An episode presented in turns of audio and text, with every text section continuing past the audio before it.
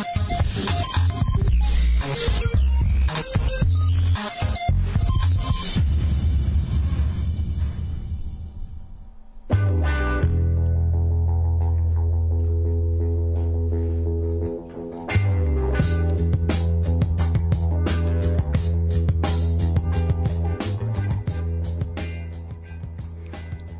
E pa dobroveče i dobrodošli ili dobar dan. Ne znam, ovaj nikako da se naviknemo na ovo letnje računanje vremena, dalje dobroveče ili dobar dan. Uh, grane smo raskrčili bar delimično, došli smo do studija.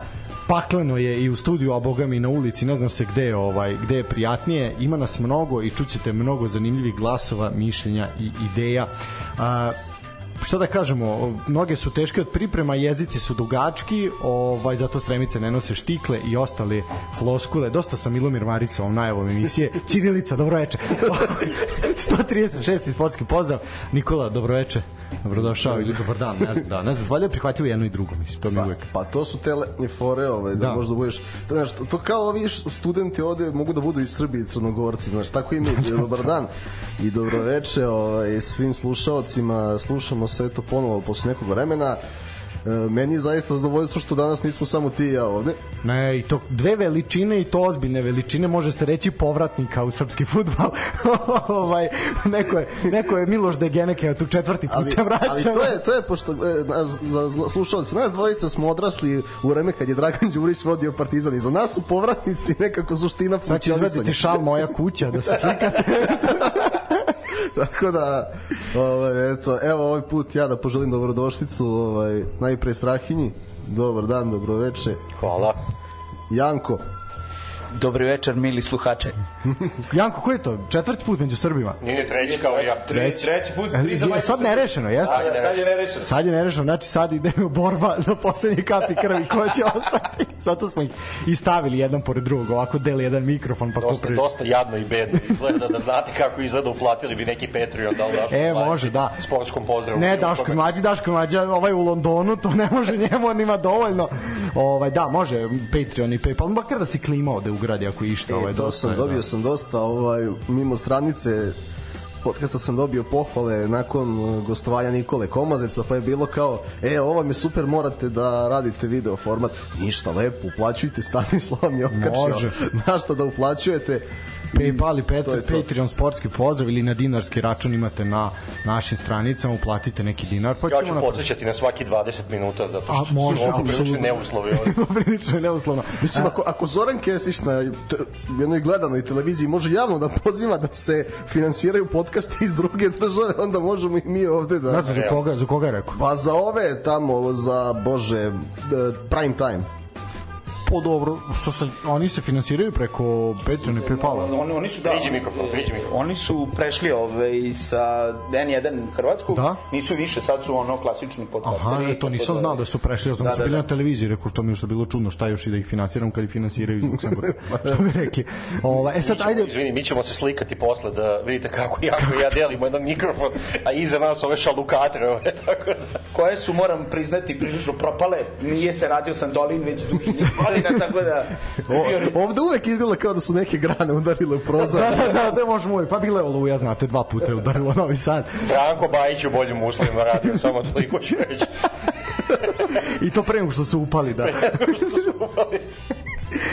ajde prvo ako prema što pređemo, pređemo na ozbiljan deo, kao biće ozbiljnog dela, da kažemo da je na JRS možete nova izdanja da pronađete, ovaj pored trećeg izdanja moje engleske, ovaj koje je to izašlo iz štampe, jel može se može se nabaviti na sajtu. E, imaš i nešto novo? Mi smo ovde pričali o tvojim knjigama, najavljivali znaš šta mi tebe reklamiramo da, da. sve, ovaj tebe i tvoju firmu. Ovaj šta tu ima novo i šta tu ima zanimljivo ovog leta? Mogu se čitaoci osvežiti uz šta?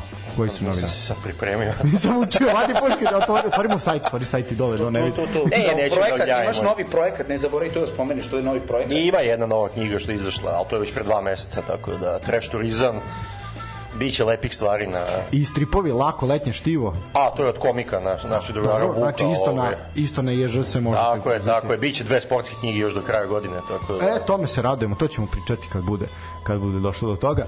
Janko, Ja nemam projekat nikakav. Mene ne pitaš za zdravlje, ništa. Tebe Samo ću, pitati, tebe ću pitati za zdravlje, jer dosta ljudi ovaj, ima, osno- osniva se grupa, ovaj, ono sigurna muška kuća, ovaj, beže od žike, znaš, ko lomi ruke, noge i to. Inače, da vam kaže, naš drugar Žika Milek je otiš krenuo da trenira jiu-jitsu. Janko sad si najbolj, definitivno. Pa, jel ga, jel ga to podstakla nova repriza porodičnog blaga? Pa, ne bi, nisam seo da pitam, pošto je sad naučio nove poteze, pa pokazuje po ceo dan na poslu. Ovaj, tako da, ali verujem da ima veze sa tim. Tako da, eto, vidite, ovaj, to je, nikad nije kasno da pronađeš svoj put, naš, ko je mogo Zamisli, koga, koga mi imamo? Onda udeše nema nikog u tom. Ma rekao, mislio sam ko može da se na Megdan da se plasira, da ovaj se bije sa... Imamo ljude, znamo ljude. u Znam, ja, ja sam lično znam, tako da ako neko bude trebala veza i to... mada- Sparing nešto da organizujemo. Mada mislim da, ne, da ga više nema, ali ako se ponovo pojavi i to, Dobro. ubacujemo žiku. Može. A, da kažemo, za vikend počinje konačno ovaj, naj... I Janko, ja ćemo se zagrliti da budemo, da budemo bliži mikrofon. to ne možete da vidite. ovaj, Dosta je mokro. da, i vlažno, da. Ovaj, za vikend počinje e, najelitnije srpsko futbolsko takmičenje. E, Danas smo saznali i nove protivnike i potencijalne protivnike naših kluba u Evropi, pa ćemo to sve malo prokomentarisati. E, Saga Kolubara je gotova, konačno, i to ćemo malo pričati i onako za kraj malo priča o košarkaškoj reprezentaciji i tim spiskovima, famoznim odbijanjima, otkazima i tako dalje. Tako da ja predlažem da prvo malo ova evropska priča, pa ćemo onda prvo krenemo ono malo lepše, pa ćemo onda u, ono, u kanal potpuni. E, dakle, bio je žreb danas, ajde ovako čisto kao što znamo, Crvena zvezda je direktan učesnik grupne faze Lige prvaka, ovaj Lige šampiona, za naše govorno područje i e, oni naravno čekaju svoje protivnike, dok e, će Čukarički biti u play-offu za Ligu Evrope, to je još ima do toga i Hahaj. E, sad ovako, e, Voša ide prva na teren, ona izlazi već u četvrtak protiv Apoela na Kipru, Apoel se pojačao sa Raćom Petrovićem, eto, to je bivši reprezentativac i učesnik svetskog prvenstva u Južnoj Africi, eto, ovaj, je pojačao kiparskog velikana. Šta vi momci ovaj očekujete? Mi ćemo biti na stadionu svi zajedno. Šta vi očekujete od toga? Nećemo biti u Nikozi, Bićemo Sadu. narednog, naravno, naredne nedelje kad bude se igralo u Novom Sadu. Neka nas klub povede slobodno. Mi hoćemo da odemo i, u, i na Kipar. Šta očekuješ? Mislite da Vojvodina može da prođe? A Janko, ti sad, ti si već Pa mislim da može. Mislim da može, ovaj, kako se zove, da, da ne verujem da može, ne bi navio nikad za Vojvodinu. Ovaj. Naravno, uvek veruješ u pobedu. Ono što mislim da jeste prednost Samo izvini, malo, Vojvodine- malo mikrofon mu. Ove, ono što mislim da jeste prednost Vojvodine i generalno srpskih klubova u poslednjih 10-12 godina jeste da, da nas mnogi pocenjuju, a Vojvodina je, jeste klub koji je, je u prethodnih par godina stvarno imao te, što bi se reklo, velike pobede protiv onako renomiranih klubova iz podsjetimo samo Da Tako, da na primjer. Bursa, Sampdoria, Dobro, tako da je- mislim da to nije da, dosta nikakav... davno bilo, da. Mislim da ne bi bilo veliko neko iznenađenje da stvarno da, da Voša prođe. Ono što, je, ono što mislim da će Vojvodini zaista biti problem jeste atmosfera na stadionu na Kipru. Ja očekujem da će biti prilično vatrena ovaj, podrška od strane kiparskih ovaj, navijača. Mislim da će biti zaista onako pristojno. To, naravno, visoka temperatura, ali mada mislim da nije više neka velika razlika u temperaturi između Kipra i, Novog Sada, tako da ne, ne vidim stvarno da, da bi to bilo neko veliko iznenađenje Vojvodine da prođe. Meč se igrao 19 časova koliko sam video. Ovo, Po našem. Po našem Po vremenu, našem, da. to je 21. I, Nije više plus jedan. Ne, ne, Plus dva, jedan. osam je tamo. A, osam. 8, Osam, da. Tako da, m, stvarno ponavljam, ovaj, ne, ne verujem da, za mene nije to neko veliko iznenađenje ako Voša prođe. Ono što mi je zaista problem, što ja za, nisam video do danas da je Vojvodina napravila neki kostur tima koji može, ako prođe Apoel, da pobedi neki kvalitetni tim od Apoel. Evo, možemo upravo tamo malo izanalizirati, izanalizirati prelazni rok što se tiče Vojvodine, znači što se tiče dolazaka, ajde da kažemo, najzvučnija imena su Andrija Radulović, koji je došao iz Crvene zvezde, i Stefan Vukić iz TSC, tu su još i a, mladi Tanjga, ne tako mladi Đorđe Crnomarković i Asmir Kajević i Marko Kerkez koji je došao došao iz kabela. Dosta onako, dosta tanko, tank, tanak prelazni rok. Odlazaka je bilo, otišli su Topić, otišao je Kabić, Milošević, Simić je otišao, Nemanja Nikolić, tako dosta. I to je najgore od svega što napustilo. upravo to što si ti nabrojao. Na, Vojvodinu su napustili ono najkreativniji e, najkreativniji deo ekipe, imao si centralnog veznog Topića koji je bio i kapiten tima, otišao je mali Milošević, ok, on je još zimus otišao, ali je bio ostao na pozemici do Da, kraja, je do, otišao, da, da. do kraja sezone on bio u Novom Sadu.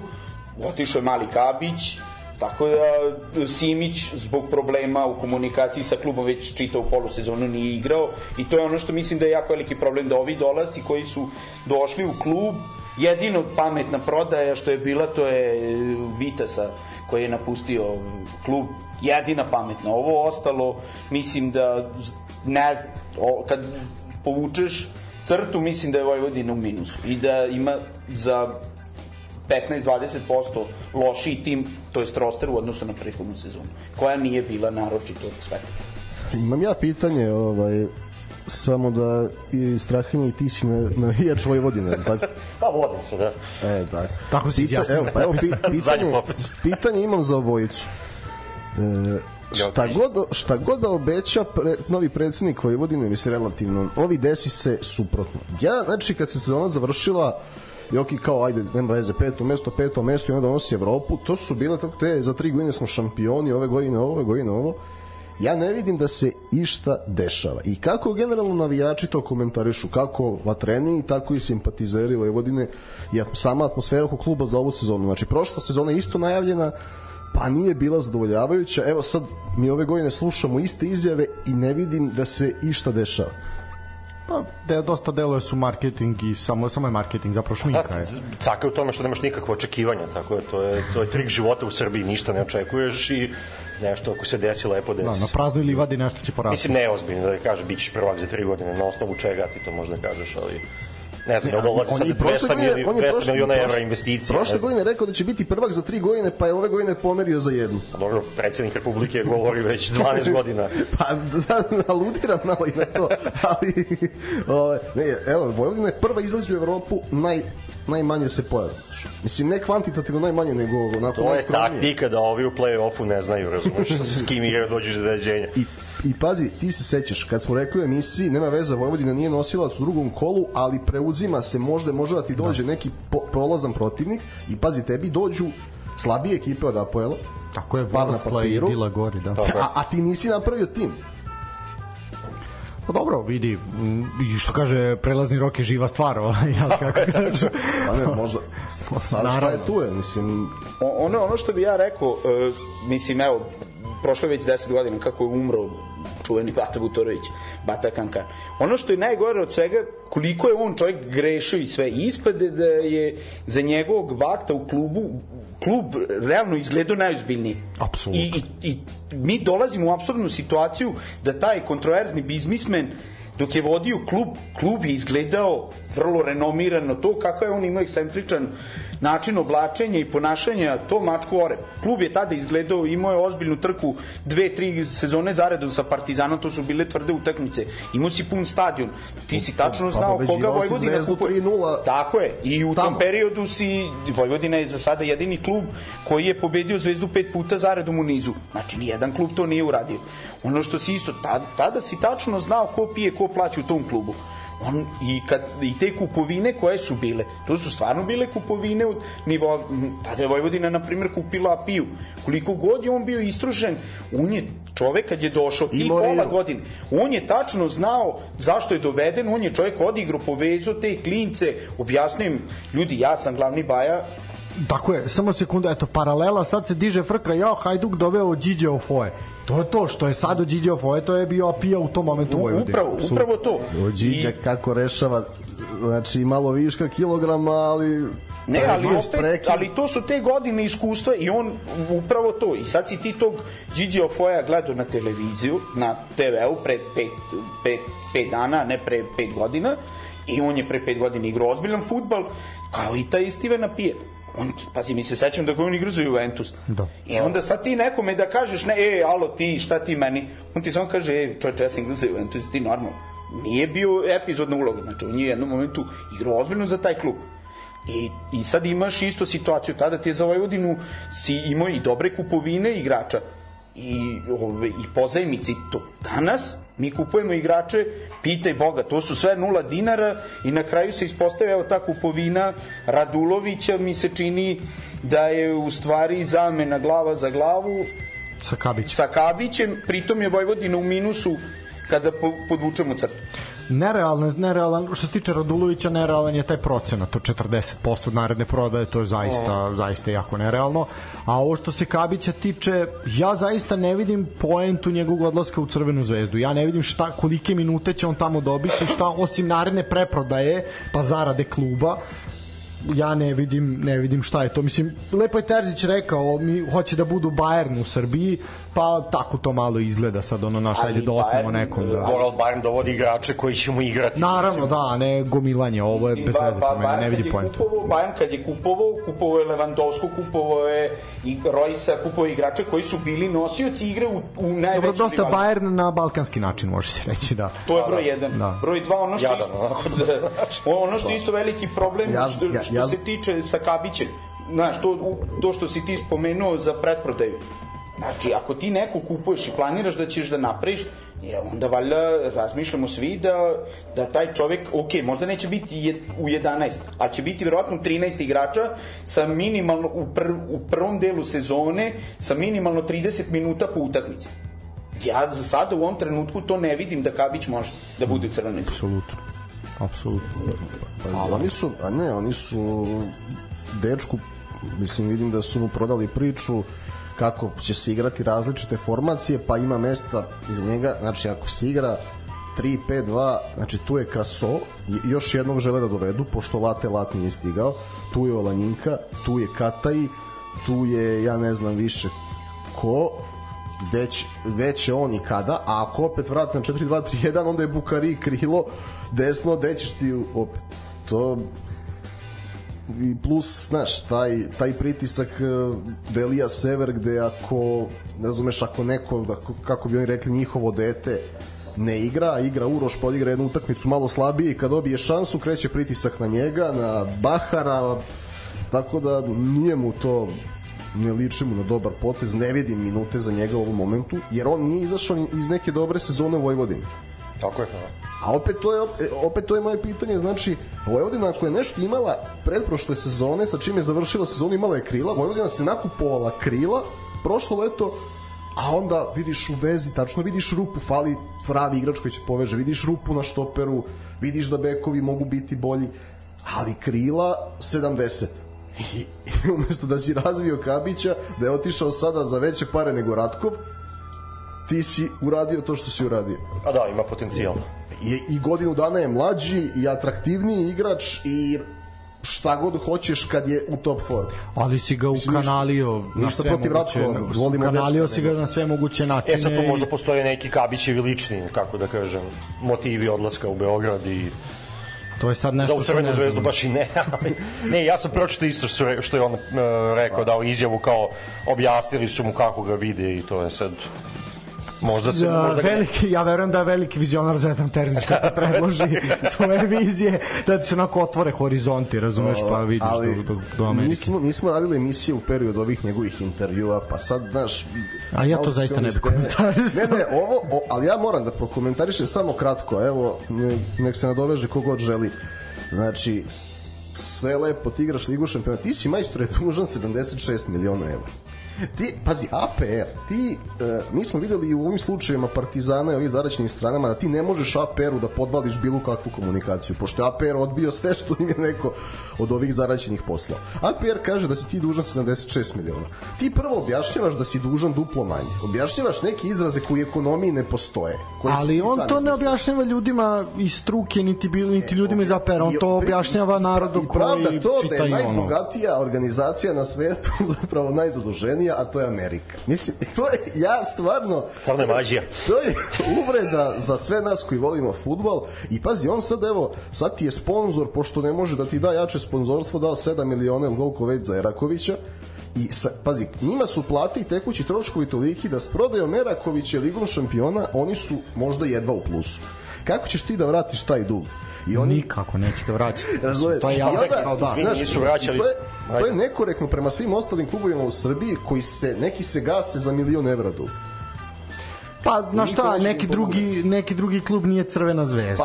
Pa, ali hoću ti kažem da naj, nema veze, ok, šta je bilo, bilo najpoštenije od ove sezone kad si već dobio Ligu šampiona da kažeš dobro, ajde sad iz malo poštovanja prema futbol ligi organizacija, mi ćemo to i to tako da saniramo. Ne, oni što su im veći prihodi, oni na sve to stave tekuće troškove 20% više. Pa ali apsolutno, pa 70 nije poenta njemu da vrati dug, njemu je poenta da skloni pare sa strane, pa mislim to je jasno kao tako da. je. Mislim, ne znam, 76, ne, ne, znam da, ali on mislim on jasno ti je zašto on daje takvu izjavu. On takvu izjavu daje da bi smirio ljude kojima je upravo tako, znaš kao, ako čovjek ima takvo pamćenje da sad on je zvezda duguje 70 miliona, kad on da tri takve vesti, naš čovjek će zaboraviti da on da duguje 70 miliona, jer ne razmišlja o tome, nego će naš To je za njim. 76 bez oprosta Expo banke Ali i ne bi, to može biti i 500, 500 kažem. miliona, razumeš? Ne radi se o je- tome, ne je zanima to stvarno nikog. strašno i nakaradno. I da, da, A čekaj, imali smo i u prošlosti to isto. Sećaš Partizana pre deseta godina, ono sa Ligom šampiona. Znači, igraju Ligu Da je šampiona, dinar, da. igraju Ligu Evrope i tad prodaju Savića, prodaju Mita Rode malo posle toga i ove posto ti što su ozbiljne, ozbiljne prodaje bile i ti si opet posle svega toga igraš Ligu šampiona, je to prodaš igrače za 20 i nešto miliona i duguješ 50 miliona. Ove, o, Partizan još nije prebacio te cifre. Bogu hvala. Ono, ono, ono što mislim da... ali slična je politika, samo u manjem. E, To, to što radi... sam jako, da, znači, ja sam kažem ne ne ne da upoređujem Zvezdu i A ne, Partizan, ne, ti da dajem ti kao primer to. nečega da se vidi Ej, to je- Partizan bi isto ovo radio da ima Da ima te pare isto. Ne, da ima političku podršku Pa to, kao Zvezda što pa, ima da, to isto bi pa. ovo radili. znači. Politička podrška jednako je novac, da. I da, to je, ja, ja to kako znam za sebe, ja stalno slušam koliko je dugovanje nekog kluba, onda iz kluba kažu ne, ne, nije, onda ovi za porez kažu jeste, ovi kažu nije, to, to Bog otac ne zna u stvari koje je tu realno dugovanje. Ono, ono, ono, ono, što je tu meni nave, najveći problem što navijači Crvene zvezde ogromna većina njih oni ne razumeju da je čovek Dragan Terzić, taj, nazovi doktor nekih tamo nauka, Dobar. u stvari Zvezdan, čovek Zvezdan? Zvezdan, Sad Dragan. Dragan. Si Dragana Terzića? Ja, Kako izvuku Ko je Dragan Terzić? povlači čovjek. A ne, bio mu je, bio mu je, bio mu je džaja u glavi. Ne, ove, što je najgore od svega, znači to je Pa čovek, čovjek, koji ono, ovo što bukvalno... Zvezdan se ne pita ništa, on je tu samo zašto se to. zove Zvezdan. Ovaj sedi i Ne se... pari ovaj Seki kao predsjednik Saveza. Ne, ne, zna se ko je glavni Dragan Terzić. Ko- je Dragan Terzić? A ima i onaj iz opozicije što ima 619 miliona, pa se isto slučajno zove Dragan. O, i to. Nego šta hoće da kažem? pobegao u misao, ajde.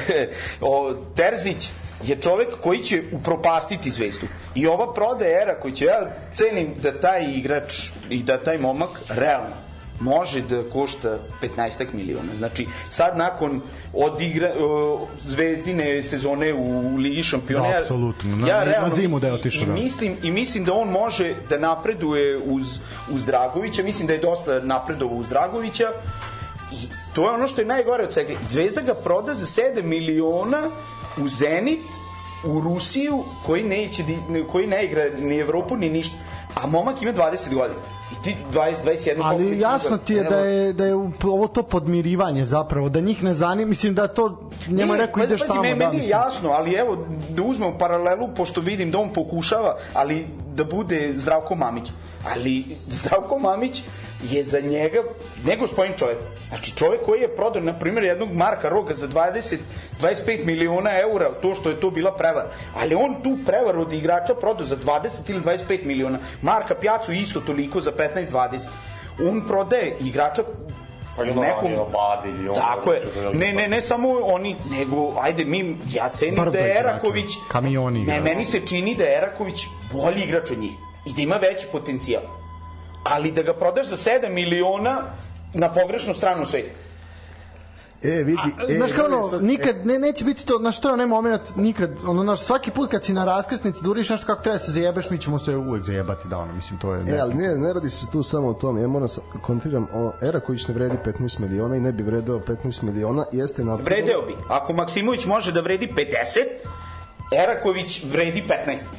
Mislim, ima još na, naših takih igrača koji su... Pazi, ovo, ovo govorim ne, ne zato, prvo, prvo ne volim crvenu zvezdu, očima ne mogu da je smislim. Ali ono što mislim da trenutno dve, dva zvezdina najveće dijamanta koje imaju jesu Eraković i Stefan Mitrović. Da. I mislim da Zvezda od njih je mogla da zaradi bez problema između 30 i 40 miliona eura izlaznih transfera. Nije mogla. Ne, ali ne- ja tvoja priča, mislim ja shvatam šta ti hoćeš kažeš, Ali da je posle odigrane ne- grupne faze mogao je. da podigne cenu je, za još apsolutno. nešto, pa ne Niko bude i ne prodaje, 10, da. Znači, prodaješ nakon nekog dešavanja, a ne pre nekog dešavanja.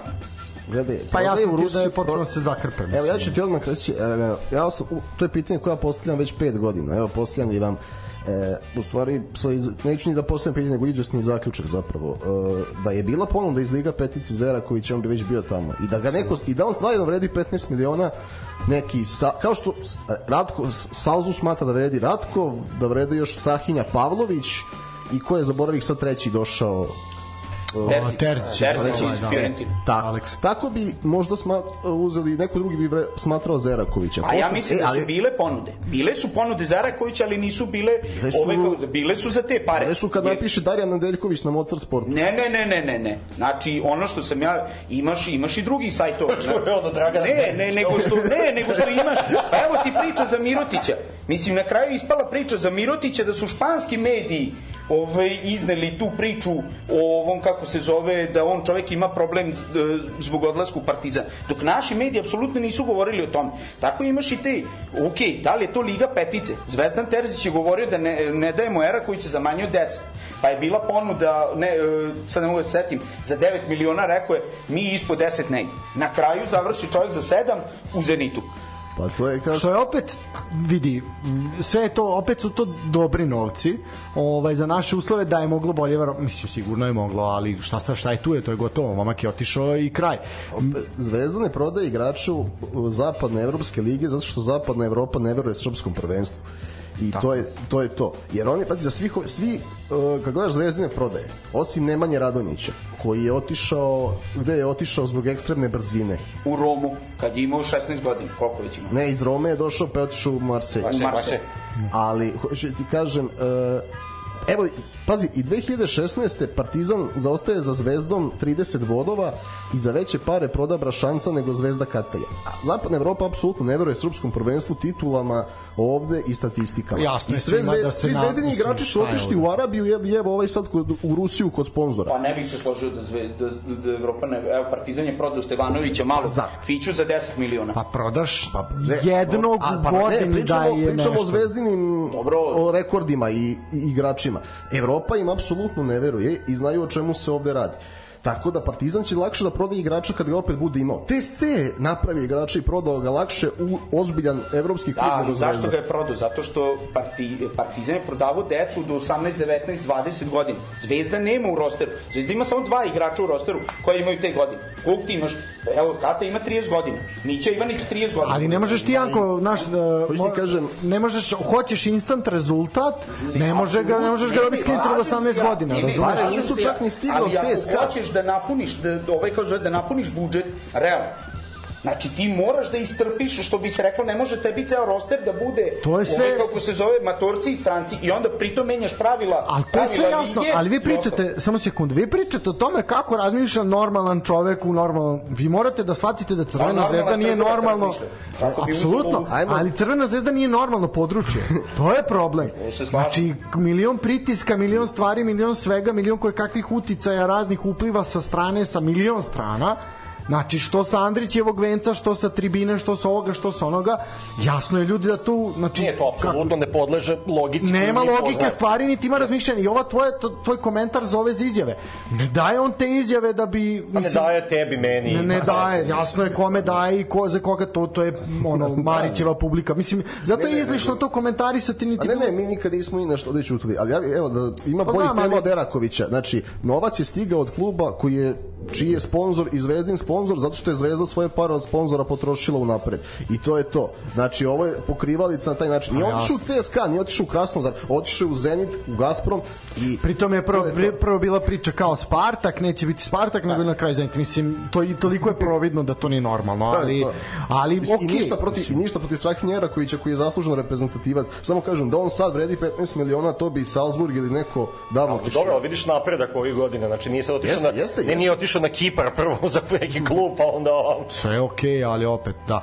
Uh, ajmo, ajmo dalje. Ovaj, sad, da kažemo, drugi klub koji je saznao protivnika... Čak, izvini, sam molim te, da, da. smo rekli, znači da se tri prema jedan slažemo se da Janko nije u pravu, da, Absolutno. da se ne bi prodao za 15 miliona. Da. Ne bi za 15, ali ja shvatam njegovo razmišljanje, da. znaš, da odigra grupnu fazu uz Dragovića, pa bi mu verovatno podigla se malo cena, pritom malo bi ga pogledali, pa recimo Zvezda pobedi jednu, dve utakmice. Logika razmišljanja je tu, razumeš samo bi, što... Ne, onda bi neko iz Bundeslige dao 7 do 10 i procente od naredbe. Pa dobro, i to je okej, okay, ali opet kaš ne ode u Rusiju, razumiješ, tamo razmišljaš te regrutovati, mislim, ono. Jel u tim godinama? Jel u tim godinama je ovako atletski sposoban. Ali ne možeš da izneseš iz Rusije.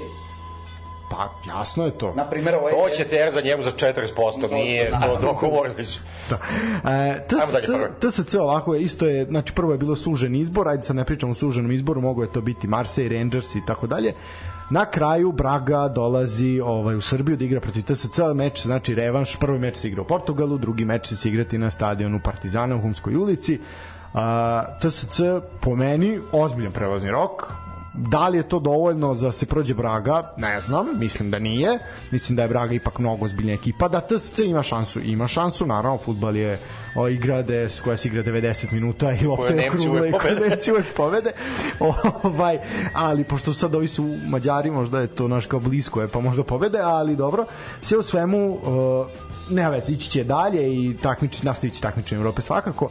Ovaj, TSC, ajde možemo to kratko reći, po meni ozbiljno pojačanje, onako mislim da je da su pametno iskoristili. Uh, doveden je Pantović, Petar Stanić, Kuvelić je plaćen, jel, Uroš Milovanović, to čovjek koji zaista imao dobre, dobre partije u uh, Surdulici, došao je gol, bivši gol na Vojvodine uh, Simić, tu je još i Aleksandar Čirković koji se vratio iz Rusije, iz Samare, isto ima odlične partije u u Voždovcu pre toga, tu je bivši reprezentativac Mađarske SOS, tu su tu je Lazar Micić, Tako da onako jedna Vlalukin, eto, jedna solidna, solidna onako ekipa, priča se da će biti još pojačanja šta vi vidite, kako mislite? I zašto su, možemo tamo prokomentarisati, edi kad završimo TSC, pa ćemo preći na Partizan i onda ćemo sumirati, izvukao sam sezon, cene sezonskih karata za, da kažemo, ova četiri kluba koja su, ovaj, da kažemo, najpopularnija u Srbiji, pa ćemo to malo komentarisati, ali pre toga, eto, TSC, TSC Braga. TSC Braga.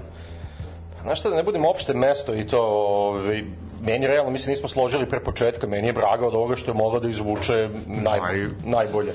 Pa jes, naj, najlakši, da, po znacima na Ne, ne, najbolje, mislim da. da imaju neke šanse. E sad, prvo ti kažem, eto, Portugalsku ligu baš nešto i ne pratim.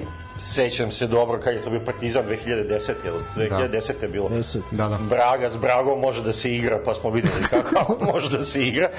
Ove, tako da, biće Biće zanimljivo, biće lepo. Meni za sve naše klubove, generalno odmah da kažem za ove, za ove kvalifikacije, ti prvi put sad imaš, znači, ajde, ne računajući zvezdu, imaš TSC i Čukarička koji su rasterećeni. Znači, oni nešto sigurno imaju. Da. Po meni mogu da igraju, da su ponovno da probaju. Pa da probaju, mislim, ono tako da činjenica da TSC ni po čemu, znači, ni po tradiciji, ni po iskustvu, ni po bilo čemu ne može se nosi sa Bragom, ali šalu svi veće iznenađenja. Mislim da nema šanse da se, da se plasira u ligu šampiona. Zaista bilo iznenađenje ono neverovatnih razmera, da. Tako da... O... Ali neka liga konferencije je realno... Ne, liga je Liga Evrope. Jer oni ako ispadnu da, da, sad, oni idu direktno da. u Ligu Evrope, tako da... Braga, okej, okay, bit će lepo. Mislim, žao mi što ne igraju u Topoli. E, to je šteta, to je zaista, zaista šteta, ali videli smo na kraju eto Šurbatović je saopštio ružne vesti, ovaj onako kad ga pogledaš realno samo ono čekam kad će dete mi male u kenu. A čekaj, al to ne znam, ovaj znači on nije ni jasno jer je TSC danas nakon žreba na svom profilu napisao da se revanš igra u Bačkoj Topoli. Sad je to greška admina? A sad je stranice to, ili Da, ovako. Šta se sad tu dešava? To meni malo nije jasno, ali vidim da Beograđani navlače da se igra kod njih. Uh, futbalski savez je, pazi ovako, pazi ovu, ovu, ovo isto dosta ako možemo razgovarati. Znači, Jovan Šurbatović gostuje na sportalu, znači to je Blicova, jel? Da, da, da. Ovaj, na sportalu gostuje u jutarnjem nekom programu, sportski program jutarnji, i kaže uh, da će TSC igrati na stadionu Partizana jer nemaju dozvolu. Sabolč Palađi, čovjek direktor kluba, bio ovde rekao igramo na našem stadionu niko iz Topole nije dao nikakvo saopštenje da se igra na Partizanovom stadionu. Svi mediji prenose da se igra na Partizanovom stadionu. Danas isto tako Mozart i ovi svi su objavili da će se igrati revanš u Humskoj. A mora preko dana, jel nema svetla, jel šta? Da, da, da, agregati, agregati rade, nemojte, Nemoj. nemojte agregati rade. Ovaj, Pali taj- agregat svečano. Da, dva agregata rade, tako da pokriveni smo. Ovaj, tako da, malo je sad tu, uh, nije, nije meni jasno šta se tu sad dešava. Zašto je, zašto sad Savez tako glumi neku silu? Šta je sad tu problem? Da, da li ih ucenjuju da bi sad Partizan uzeo nešto da, da plati dugove, šta za struju. Pa vidi, nije čak ni isključeno ni da je to opcija, da vidiš, u tome to mi nije opalo. Znaš, ne postavi igrate, jel da vi igrate u, na stadionu Partizana, pa kao ne, mi smo mislili kući, ne, ne igrate na stadionu Partizana, Ali da? ne, ali ne, ne, ne znam kako tu ovaj, kako se zove, Savez ima meni veze. to, da, šta Šurbatović ima s tim? Mislim, to UEFA i njihovi ono, delegati donose odluku. I to O kategorijama piše. stadiona, da. Tako je. I onda, ako vi ne možete da dobijete, onda vi valjda pišete spisak stadiona gde možete, ono da, i ovi kažu, aha, možete igrate na tom, na tom, pa vi sami odlučite. Ja mislim da, da tu nema šta futbalski savez da određuje futbolskom klubu, bilo kom futbolskom klubu na kom će da igra stadion. Te se u Leskovcu, kao i svi. Pa, Da, da, da. da, jako je. Zaječaru, mislim da je Zaječar tu najbliži, ovaj, mislim da je bila prava domaćinska, ovaj, rumunsko-bugarska atmosfera. I, mislim jeste, ovi isto pole su objavili da se igra u Topoli, ali sad je tu dosta, naš, uh, prvo, što kažeš, futbalski sajz nema nikakve ingerencije na time, niti on može da odredi gde će se igrati. Znači, ako je UEFA dala dozvolu, a nama je, mislim, čovjek je bio tu rekao da je dali, oni se ponašaju kao da je sve naj- najnormalnije, kao da se tamo igrati. Ne, ali kažete, meni deluje na ucenu to, znaš, ono, dobar ti ovaj lokal šteta bi bilo da izgori. Pa ne, za, Da. da. zato što su pre, pre početka prošlog prvenstva ovaj, u nekako je u nap, nek, mnogi su napred upisali da će Partizan biti drugi, da će se Liga šampiona igrati na tom stadionu, Pa da, pa, sam kao, da. kao... A, ovaj, Da dođu Partizanovci ide Bragu ponovo, da. Da možda oni ne zna da te sad se igra kvalifikacije. Pa, kao ajde, taj Šurbatović još kao je tamo možda na jedan od ozbiljnijih klikova, kao da onda ti jasno kakvi su ostali. Ovaj, ali dobro. Doći ćemo, idemo na temu futbolski stazi posle. Ono, ono što se tiče utakmice Braga da. TSC, mislim da su imali da su najbolje prošli u kom smislu. Iako mi se čini da od ta četiri kluba koje su mogli da imaju, to je PSV, Marseille, Braga i Rangers, mislim da su definitivno imali naj, najbolje šanse imaju protiv Brage. Ne, Ne, ne, ne, zato što je e, Braga, mislim da ona jača od Rangersa definitivno, ali mislim da kada bi igrači ti otišli na Ibrox, gde bi ih dočekalo 50 plus hiljada ljudi, mislim da bi se izgubili. Ne, ali to je sa, sa druge strane šteta ti to ono ranije kad smo uvijek gledali naše klubove, ono, znaš, kao do, dobiješ protivnika koji je jak, a nije atraktivan, Da.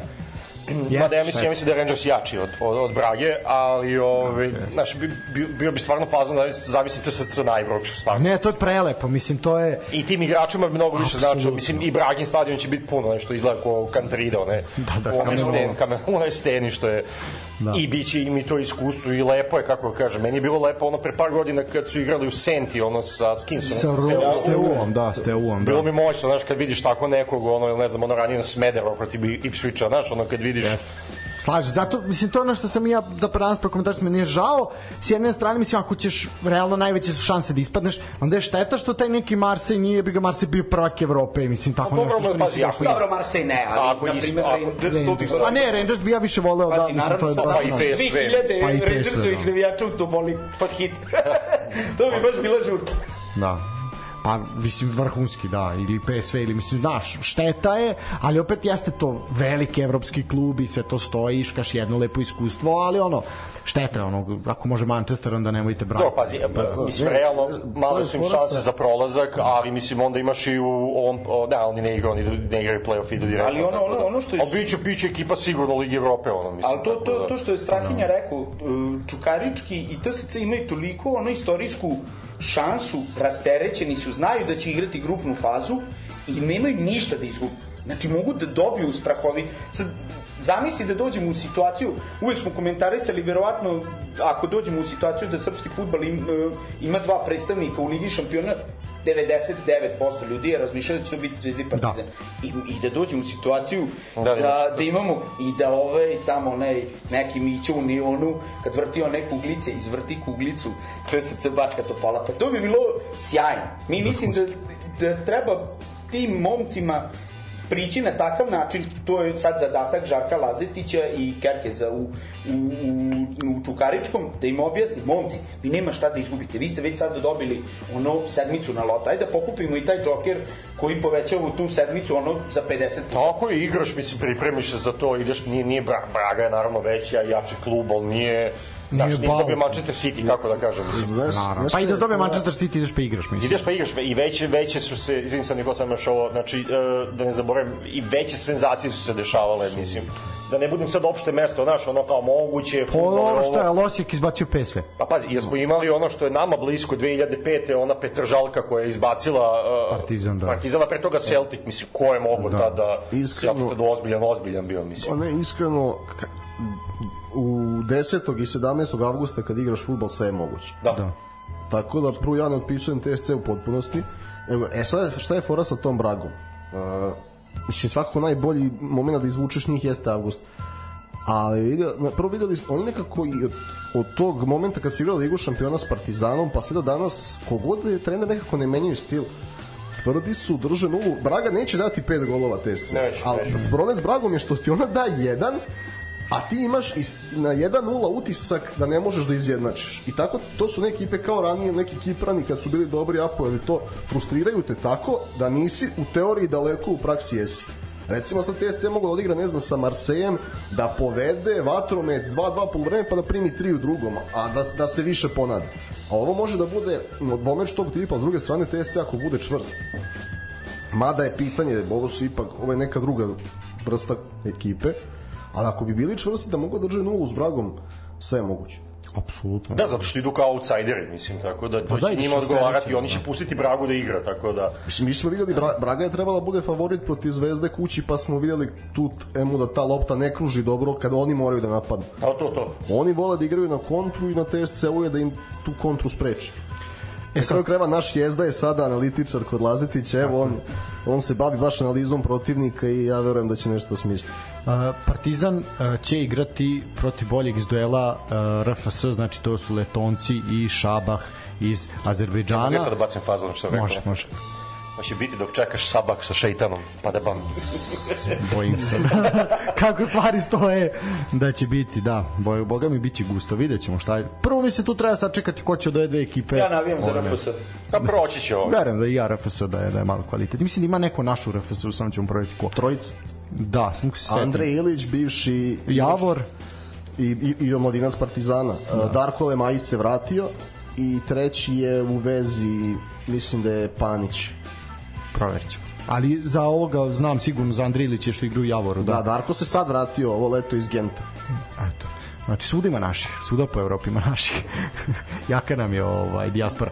E sad, e, izašle su, ajmo sledeća tema, sad ovo malo bliže Superligi Srbije, ovo ćemo svakako pratiti i komentarisati šta se dešava u Evropi. E, izašle su sezonske ovaj, karte. Ček sam, izvini, jel možemo sad da prognoziramo mi? Odmah Naš prognoziraš? Može. Ili će se ostavi za kraj, nekako god? Tu može. Ne, ne, izvini, ja nisam znao da će na kraju biti ono. Ajde, na kraju ćemo. Mo, da- može na kraju. Ja Ajde. što se mi prognoziramo kolo ili Ne, ne, prognoziramo ove naše u Evropu. U Evropi. u Evropi?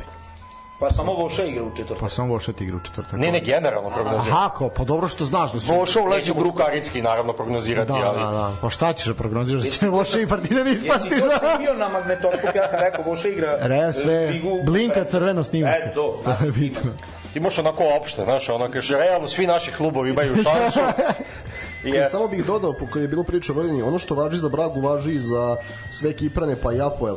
A, Apoel ne voli da bude favorit. Ima najčuveniji primjer za Kiprane, Nartozis, koji je kao outsider ušao u Ligu šampiona uz šest bodova, sledeće je leto igrao s OFK Petrovcem kao favorit i ispao.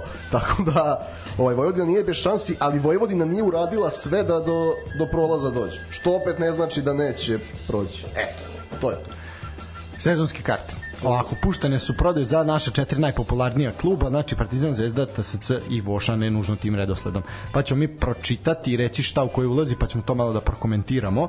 Znači, ovako, uh, ajde krenut ćemo po tribinama ćemo ići. Znači, dobro, Partizan nije pustio karte za sever, to je jasno. Crvena zvezda za severnu tribinu, znači to je paket ulaznica za domaće mečeve za Ligu, Kup i Ligu šampiona, 14.500.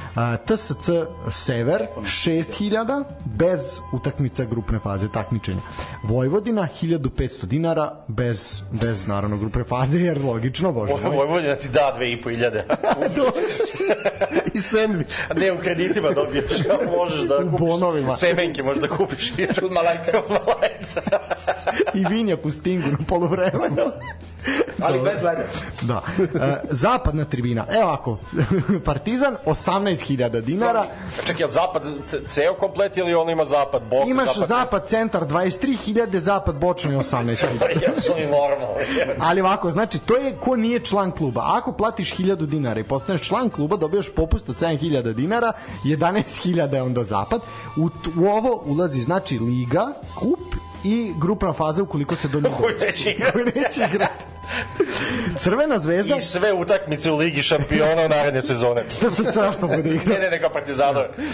E, zvezda za Zapad Severina, ako Da. dođe zbog novog pojačanja. zapad zvezda 30.000 dinara. Skromno. Da, može se reći. Vojvodina zapad 4000 dinara. Istok e, Partizan e, 18.000, s tim da je kažem 11 sa, za članove, Zvezda 25.000, TSC 8.000 dinara. Inače, zaboravio se jednu činjenicu. E, Na sve te e, cene karata za Vojvodinu imaš 20% popusta. Za postojeće si- članove. Tako. Da, dobro, E, da. Ako si imao sezonsku za prošlu sezonu. Pa da, to kažem za postojeći član, za postojeći korisnike. Ovde sam naveo za ovaj Partizan zato što je drastična razlika u, u Znači, ceni. Vojvodinu realno možda gledaš za 1200 dinara cele sezone. Za 3200 zapad. 3200 zapad sa krovom. Ne, ne kažem možda ako je, ako je sever 1000 i po, Da, da, da. da. 20% E, popusta. Ne, mislim da je Sever sa kartom 1000. Čak i 200 dinara te časte. Boga mi. Ozbiljno. Uh, istok Vojvodine Ja ću to da 2000 izvinim, dinara. da kupujem prijateljima, da poklanjam za rođendan. Više mi se isplati, evo, sezonska karta, ali mene, gde ideš da gledaš.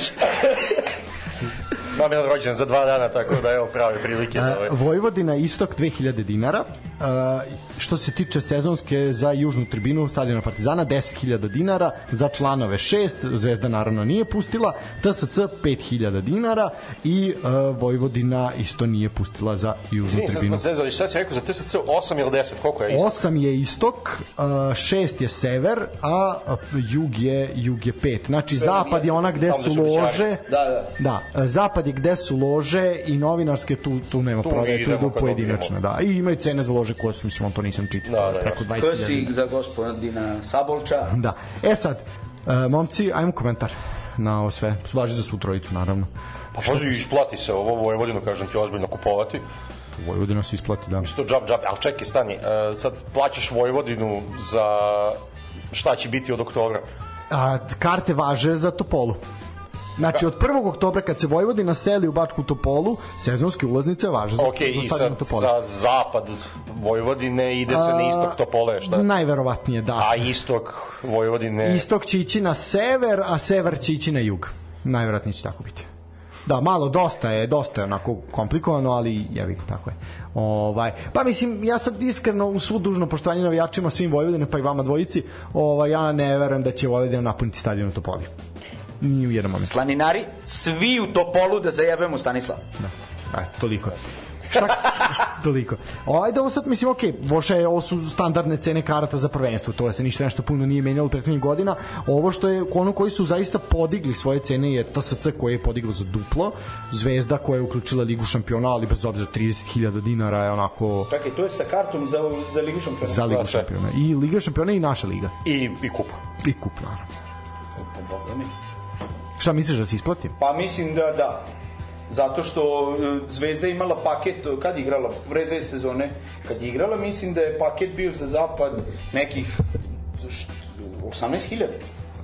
Ne, i, i više, ja mislim da je paket bio za zapad i 30.000 gde su se navijači bunili i da se to završilo tako što su delili karte po mesarama i uz gudki i kiriki. To je E. 19. Eto, e, bila je ona jedne sezone kada je Zvezda prvi put ušla, e onda je tada bilo krcato i bile su stvarno korektne cene. Da, da, onda su naredni put su podigli E, nenormalno, e, to, to, da. to. Malo mikro. Mi iskreno, pa ne znam, ja mislim da je skroz okej. I evo, u, ono, to je druga priča što mi živimo, nažalost, u, u jadnoj i bednoj zemlji, iako smo ekonomski tigar, što bi rekao, ne, što bi predsjednik rekao da smo najbogatiji na svetu i to, ali mislim da je sasvim, sasvim korektna cena. Za tri utakmice Lige šampiona garantovano, Da, da. Da, zapadna tribina za celo, za celo prvenstvo, mislim da je okej. E, Ne mislim da je prijemčiva, ne mislim, možda je moglo da bude niže, ali ne nešto niže, možda 25, ajde da kažemo 200 eura, ali mislim da je to sasvim okej. Ne znam da li si našao e, za komšije, za Hrvatsku cene sezonskih karata? A, ne, zato što kod Na njih je primer- malo komplikovano, komplikovana prodaja sezonske karate ide zato što je kod njih članarina se obnavlja svake godine i članarina je skuplja nego kod nas duplo i onda tu isto ima onako raznih kombinacija Na primer, i da. Pazi, tu, tu sam gledao, na, Rijeka i Osijek su 40, evo, 35-40 eura su članarine u, u klubu. Su članarine, Tako da. je. plus. I onda sezonska, mislim da sam video da je najjeftinija sezonska za ovu Opus Arenu u Osijeku, ako sam ja dobro video, za tu navijačku tribinu, 100 i neki euro. Da. Znaš, ipak je to razlika, da. Malo je neuporedivo. Da, malo je Slažem teško. se, ali kažem ti, mi mislim da, da će Zvezda imati pun stadion.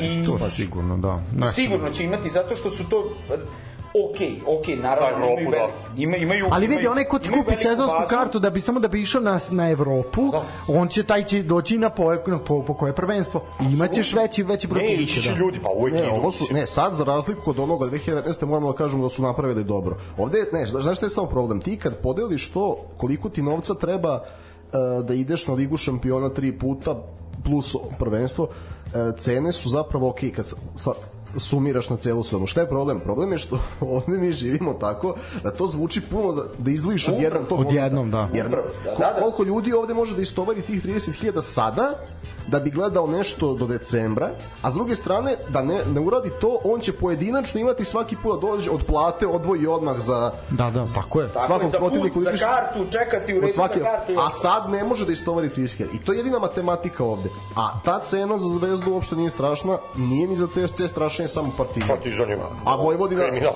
Vojvodina čak i ne ceni sebe dovoljno, odmah to mogu da kažem. Ne, on, ono, ono što je, nije to samo Priđi da Vojvodina, nije samo da Vojvodina ne ceni sebe. Ono što je kod nas jako veliki problem, što kod nas ljudi, što kod nas ljudi, e, mislim da pocenjuju sport, to je broj jedan, a naročito publiku u Novom Sadu koja je preteška.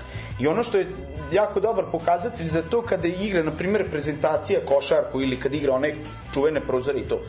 Na svaku utakmicu do sad reprezentacija što je igrala je bio besplatan ulaz. I imao si krcate dvorane I rukomec Norveško. i rukomet sa Norveškom, ajde, moglo je da bude više publike. Ali on, da si stavio simboličnih 100 ili 200 dinara sa tim, sa tim parama da pokriješ ono redarsku službu i ne znam, te tehničke stvari, ti bi imao upola manje ljudi. I ono što je najgore od svega, što ti dolaziš u situaciju da sad, na primer, ljudi, eh, ljudi isto zaboravljaju. E, navijači Crvene zvezde i Partizana nisu samo iz Beograda. Tu ima ljudi koji putuju ne samo iz Novog Sada, što je relativno blizu, Da. nego ima ljudi koji prelaze po 500 km, 350-500 km prelaze da odu na utakmicu. To je trošak, ogroman. Ogrom. Ogroman trošak. A, a ljudi o tome ne razmišljaju. Upravo to što si ti rekao. Ovde je problem što mi ne možemo da iskrcamo odjednom 30.000. Ja ti potpisujem da, da Zvezda i Partizan naprave takvu akciju. Kupite sezonsku, dajemo na rate. Bi, bi više Na bi pet, prodalo. da stave Da, cifru da je 50.000. Ja ti potpisujem da bi bio veći pritisak ovaj kako se zove na, kod navijača bi mnogo više karata prodali nego na ovu celu, jer je problem da ljudi iskrcaju jednom 30.000. Na, dobro, znaš kako, na, na administrativnu zabranu, ali mislim, pazi, oni su išli ovde na fazu, Na naravno da pokupe Pa ne. ono, četvrtinu, trećinu stadiona, da pokupe odmah. Ti imaš ljudi u Beogradu koji mogu to da plate i to. Koliko su koštale karte za Partizan, za ovaj, sa Realom, Pa ovaj da, play-off, mislim, nerealno, da. Ne, ne, ali i to, ne, to, i to može da se napravi. Gle, pošto su napravljene tako, jel, kapije i digitalizacija i sezonska se sad očitava, nije više papir. To vrlo lako može čak i da se napravi na rate. Znači ti imaš obavezno učešće neko na početku da kupiš sezonsku. I ti onda imaš, znači, aha, možeš da gledaš utakmicu od tad i tad i rata ti je tad, tad i tad. I imaš kako da uplatiš, kao što si prvi put uplatio ticket line. I ako ne uplatiš drugu ratu, ti kad dođeš na stadion, on tebi lepo stavi crveno, ne očitati sezonsku, Ume, A dobro, mogu ja kao trgovac nešto da kažem. Znači, ovo u suštini meni je ovo dobro što su oni napravili i okej su mi cene i to. Ne, ako ti- što ratama. Ne, pa ne, ali ti ćeš sad pokupiti ove prve ljude, pa onda gledaš šta se dešava. Ako ne bude išlo, sad da ti imaš nešto... Ne, Možeš uvek dati, da, onda sad posebno. pružaš drugo, pružaš ovo, pružaš ono, ne, ne bacaš sve odmah prvo najjače ono. Meni se to sviđa, na primjer, Janko je spomenuo komšije. Ovaj, meni se to sviđa kako oni rade kad gde prodaju paket ulaznica, na primjer, sad za, kako, na primjer, dešava se da je klub pet puta, pet pet domaćih utakmica igra na primer u, u jednom mesecu, desi se pošto igra kad se igra na tri dana i tako dalje.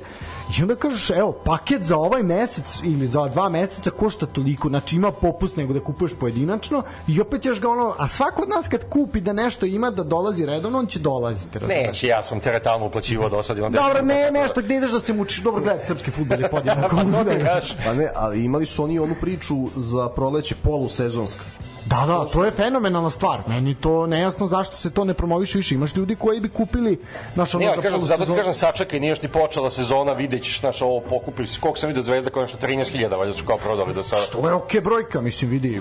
Ako su, ako su prodali. A da ja se ne bojim, ja se bojim sa Zvezdinim tim da ima naš ne znam kao kao 25.000 je sezonske za sve, onda dođeš tamo, ali onda imaš još 3.000 za Terzu, to ne piše to sitno slovima u stvari. E, to je od tih 25 ide 3, da. ne, ne, ide još ide od 3 od Aha, 25 misliš ide 3 da- njemu, a 3 ti još dodaju. I onda kad uđeš ide kutija za terzu. I onda kad dođeš tu, kao, ajde, nek dobije i Terzu, šta sad?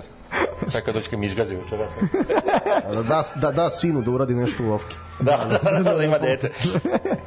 Ovaj, Ok, što mi je jedno što meni je jedno partizan nije jasno. Nelogično, sa tim mislim, malo. S obzirom da je prošle godine gledalo 112 ljudi utakmice.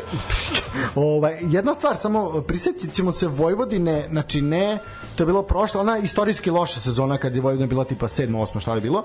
Oni su rekli, znači mi se izvinjavamo zbog lošeg rezultata, mi dajemo svi, svaku ko ima sezonsku dobije ovu za ovu godinu gratis, da vam se izvinimo i zahvalimo na vernosti.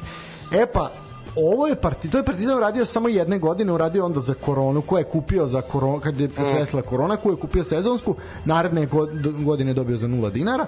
E, ovaj, ovo sad su trebali tako da urede. Znači, ako je se već sramota rezultata i svega, a kažete A da nije jeste, sramota. a nije, ali kao kažu da jeste, onda ste, gospodo, trebali nešto da uradite da se mi ne lažemo za kad se sabere ovih 11.000 ko je član kluba ako gledamo u istočnu tribinu tebi si imao prošle godine 5.000 je bila sezonska 5.800 sa popustima znači jedno i drugo ti je bila paket ulaznice za ligu konferencija. Znači to je 10.800 to je u suštini ista cena kao i prošle godine samo što ti ove godine nemaš garantovanu grupu Tako je.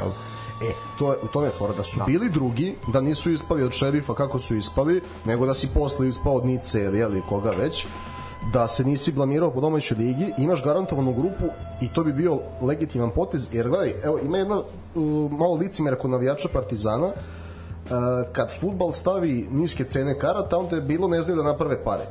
Evo kako vidiš da u košarci to može. E sad, e, mislim da je samo futbal odabrao pogrešnu sezonu za ovaj potez. Šta je meni, po meni trebalo da se radi? Evo, vi mi recite, Znači, te, tek je Partizan stavio ove članske malo promovisao od marta, je tako, za 1000 dinara. I to da. su onda, šta je trebalo raditi? S tom članskom imaš popuste u šopu, imaš prioritet da kupuješ karte za evropska gostovanja, imaš popust na sezonsku, na ono. Ove godine trebalo je zadržati iste cene sezonskih, dok ne vidiš da li si ušao u grupu, trebalo je promovisati člansku kartu, tako. da se ljudi naviknu da kupe tih 1000 dinara koje potrošimo svaki dan nekako na nešto, Mesto knjigu neku da kupite. Ješ.rs I ovaj... ovaj Izvini kupit će, kupit će. Pa, je, ova godina je trebala da se iskoristi da se resetuje tim, a evo tim je na putu da se nekako resetuje, da malo podmladi, da se promoviše članska karta, da se obezbedi garantovana Evropa kroz prvenstvo i onda naredne sezone ti povećavaš cenu, ceniš sebe, napraviš zaradu i na taj način funkcioniš ovako. Ovako ti samo vređaš navijača ovim. Pa da i Pa dobro, naši partizanovi navijači su zajebani. uvredljiva masa Ne, ne, ne, to, doći ćemo i do toga, ali, hoću, ali nije bio moment sada da uradiš ovo. Jer da si uradio to, da si ove godine ostavio iste cene, imao bolje rezultate, obezbedio garantovanu Evropu kroz prvenstvo za sledeću jesen i onda to uradio, to je prihod Znaš kroz kako meni sezonske i deluje? pojedinačne ulaznice od milion i po evra. Ja sam pravio kalkulaciju da bude prosečna poseta sam para hiljada ljudi da kupi sezonske dogodine i još ove pojedinačne karte za Evropu milion i po evra legalnog prihoda. Zovi Živana da te dan broj Bilje Obradović.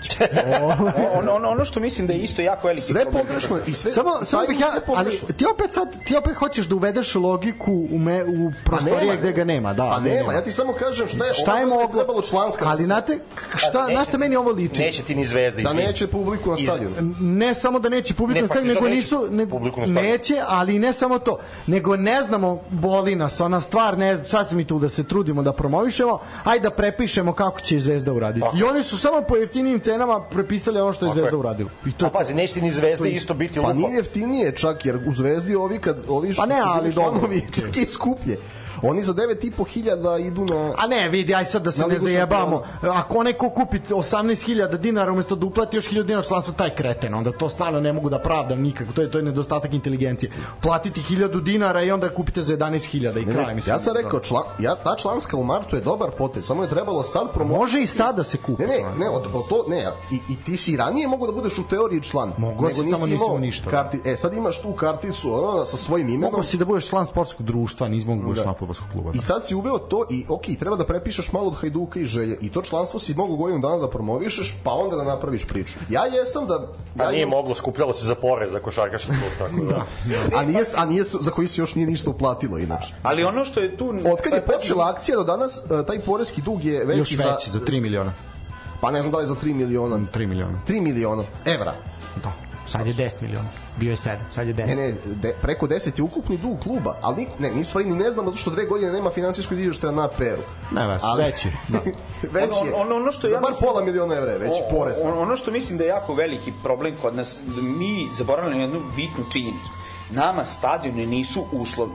To je posebna Znači, priča. sad ti, ima- evo ti, sta, od ova četiri stadiona uh, koja smo komentarisali i sezonski, jedino stadion Partizana nema ni jedan krov. Apsolutno. Jedino stadion Partizana.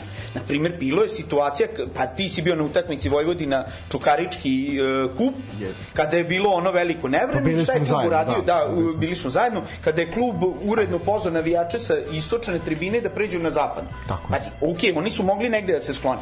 Ono što je isto veliki problem, mene živo zanima, kada se napravi nacionalni stadion, ja se plašim da ćemo se mi zgražavati sa cenama Apsolutno. i taj klub koji bude otišao tamo da igra, a neko će otići sigurno. Da li Zvezda i Partizan, pošto ih očekuje verovatno rekonstrukcija, ne verujem da će Partizan teti da igra na Partizanom, na Partizan na Zvezdinom stadionu i obratno. Ne verujem.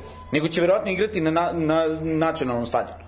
Mene samo živo zanima kada dođe priča i vi treba da platite za utakmicu, ne znam, protiv u Ligi Evrope ili kvalifikacijama za Ligu šampiona umesto sadašnjih popularnih 3000 da bude 12000 za navijačku tribinu.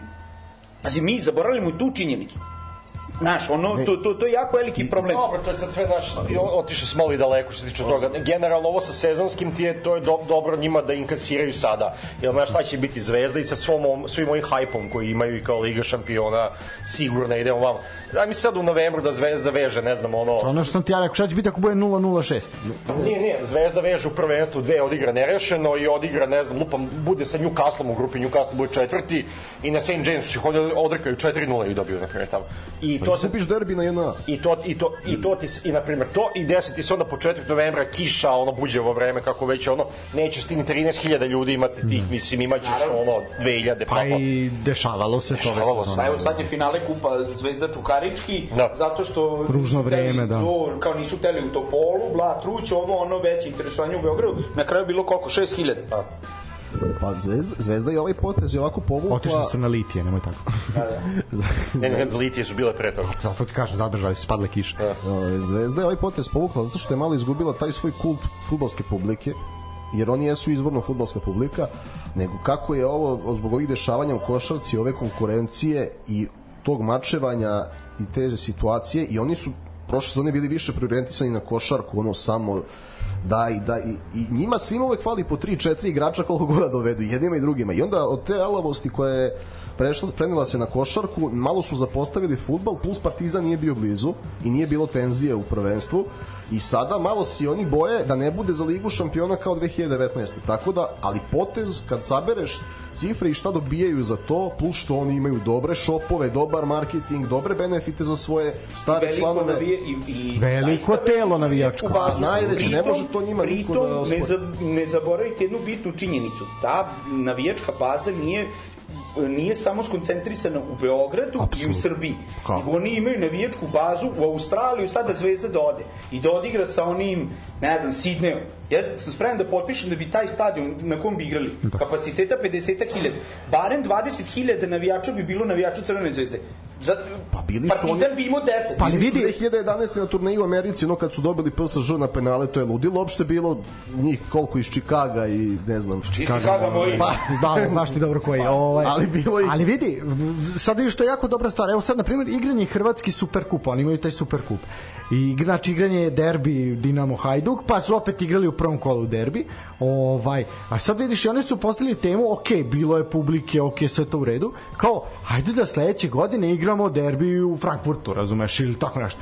Zašto mi ne bi igrali Superkup jebote u Nemačkoj, u Beču, znaš, gde nas ima, to bi isto bi bila Zato što neko treba da se iscima za to. E.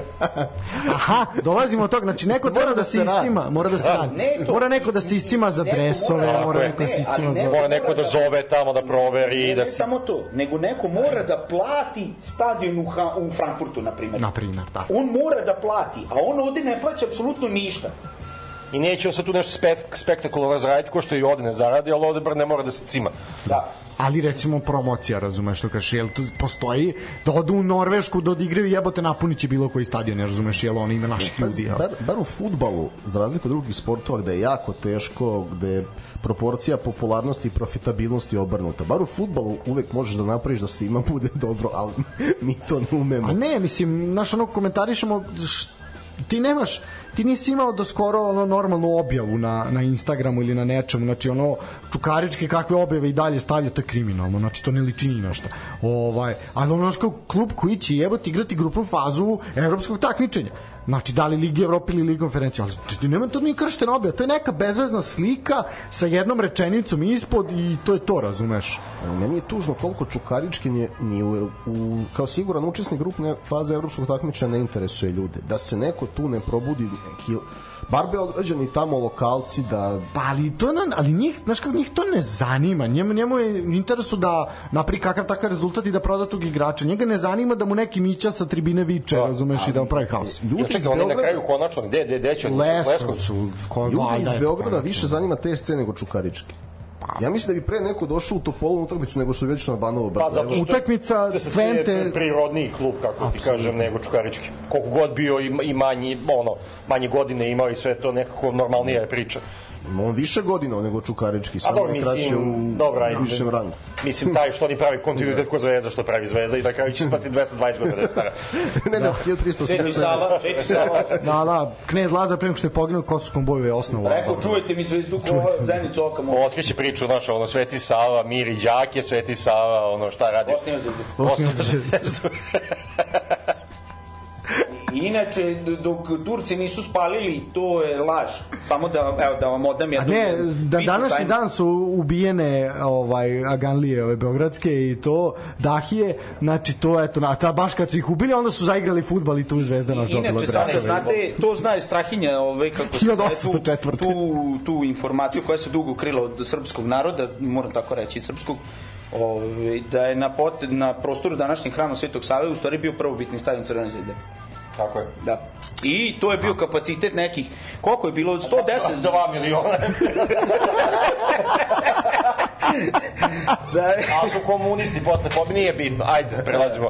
Kažete, meni za, za sezonske, čak da vratim, Vojvodina mi, ono, Vojvodina mi smešna, to je pa smešne su. Pa to, ali okej, ali to je tako svake godine, mislim, da ne. Ali okej, ali kao ajde ne znaju ni gde će igrati, pa ajde ima mi smisla. Da. Bi Zvezda ovo jedno Partizan nije jasan, meni nije jasan ko će dati za Partizan u ovakvoj situaciji, kluba u ovakvoj situaciji. Pazi, tih 11.000. Evo, ima dvojica. Ko, Pazi, koliko? 11, pitaj nas 11 i 16.000.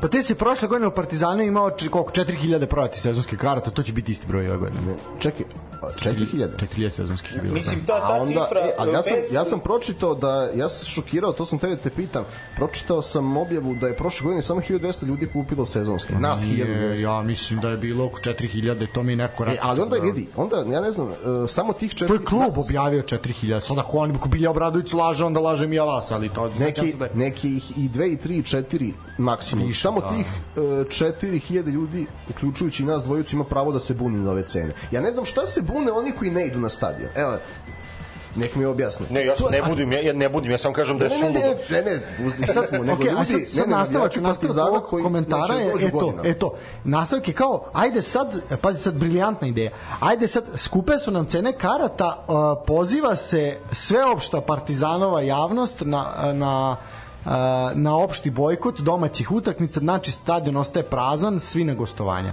Kako komentarišete tu odluku? Ko je to rekao? Uh, zvanični navijači Partizana, da. Koji? Koji? Pošto ima 84 frakcije. Ne, ne, sad samo jedna postoji. Ovaj, s južne tribine su rekli da oni pozivaju sve da... Zato što im je skupo, šta? Ne, nije njima, oni svakako dobiju to u... A ne zbog čega pozivaju? Zato što kao kriminalno stanje upravi, uprava radi A, to, to, i to, to, rezultati, još onda daje kao, znaš, ovo je samo šlag na tortu je, je cena karta. Pa pazi, mislim, neće postići ništa, prvo to ti je ko bojkot od opozicije 2020. razumiješ, mislim. Jes, pa, bravo, majstor, to sam, evo, evo, evo, evo, ruke, majstor. Ček, ček, to je ono što, što kažu, ono oceku sebi kurac da napakosti selu, razumeš? Mislim, ja ne znam, ne znam šta ćeš postići sa time. Znači, ti sad kao uh, ideš na gostovanja, a onda opet gledaš taj klub ovo, a, a da ne ideš uopšte da, na, na, na, na JNA, da ne ideš da ne gledaš, tu, tu upravo boli dupe za vas. Oni bi voleli da vi ne dođete, oni voleli nula ljudi da bude. Njima je najlepše bilo, ne samo njima, u svim klubovima bilo je najlepše kad si igralo pred praznicima. Dosta mi, kako ti kažem, dosta me podsjeća, ono, kad je to bilo možda 2000, se, se pomešalo mi se, možda da li 2008. ili 2010. 11. Šta?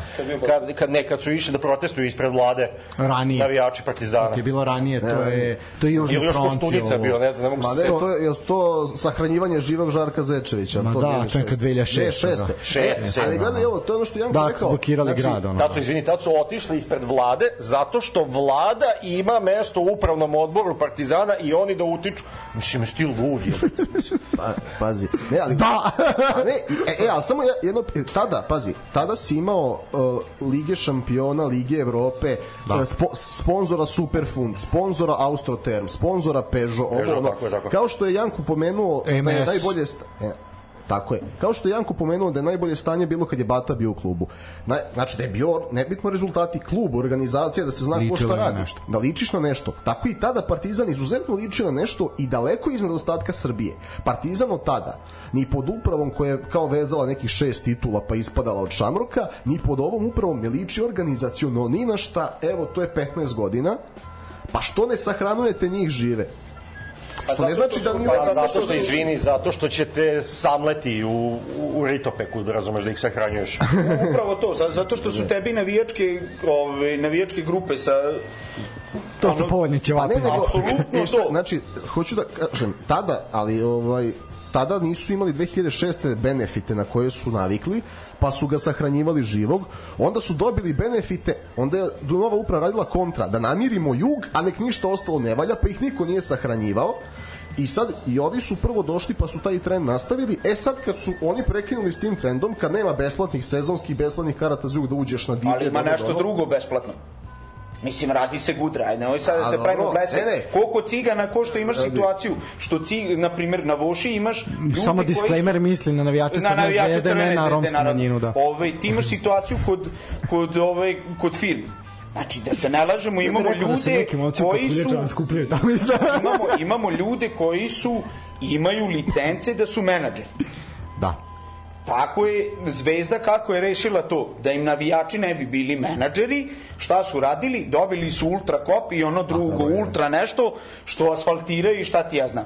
Partizan, partizanovi navijači su dobili nešto drugo. Tako. Ćevape, ovaj kao zove da pravi, ne znam ti niješta. Znači, e, tako se to rešilo. Njima ovo, da Ali, njima... izvini, jer bilo, jer bio problem sa, ne, kako zove Damjan, Nikola Damjanac, što je bio golman Partizana, jer je bila situacija da su mu navijači se, e, šibali sa njim oko toga čiji je moj igrač, zašto ti mog igrača ove, puštaš, ne puštaš, zajebo si mi igrača, nisi mi zajebo, pa su se lomile noge. Pa era koju ja pominjem, 2010. 2013. To je taj period. Ali se ali gledaj, na kraju sad da je ova uprava, da je ova uprava dala, ko što se, što su one javne tajne koliko je besplatnih sezonskih dato za e, navijačku tribinu. Sad da su im dali 2000 besplatnih sezonskih ne bi bilo ništa od bojkota.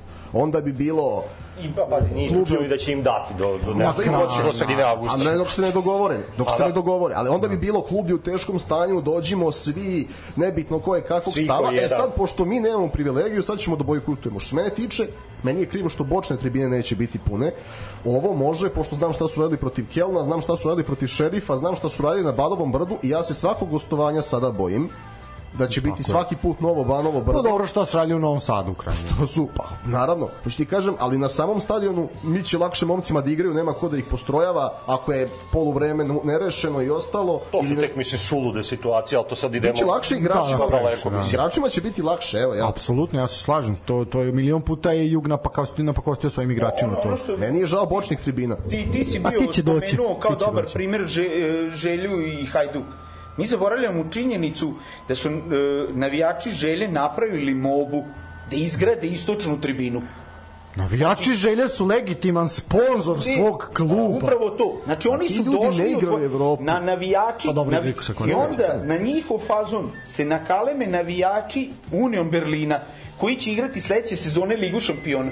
Dođu i naprave mobu i naprave novi stadion. Mislim, mi nismo naše klubove povezali u zajednici. Tako je. Znači mi, e, ono što je isto jako bitan detalj, mi moramo vrlo precizni da budemo u onome šta je navijač. Navijač je osoba koja ide na utakmicu, navija za svoj klub. Navija za svoj klub, zna svoje igrače, zna to.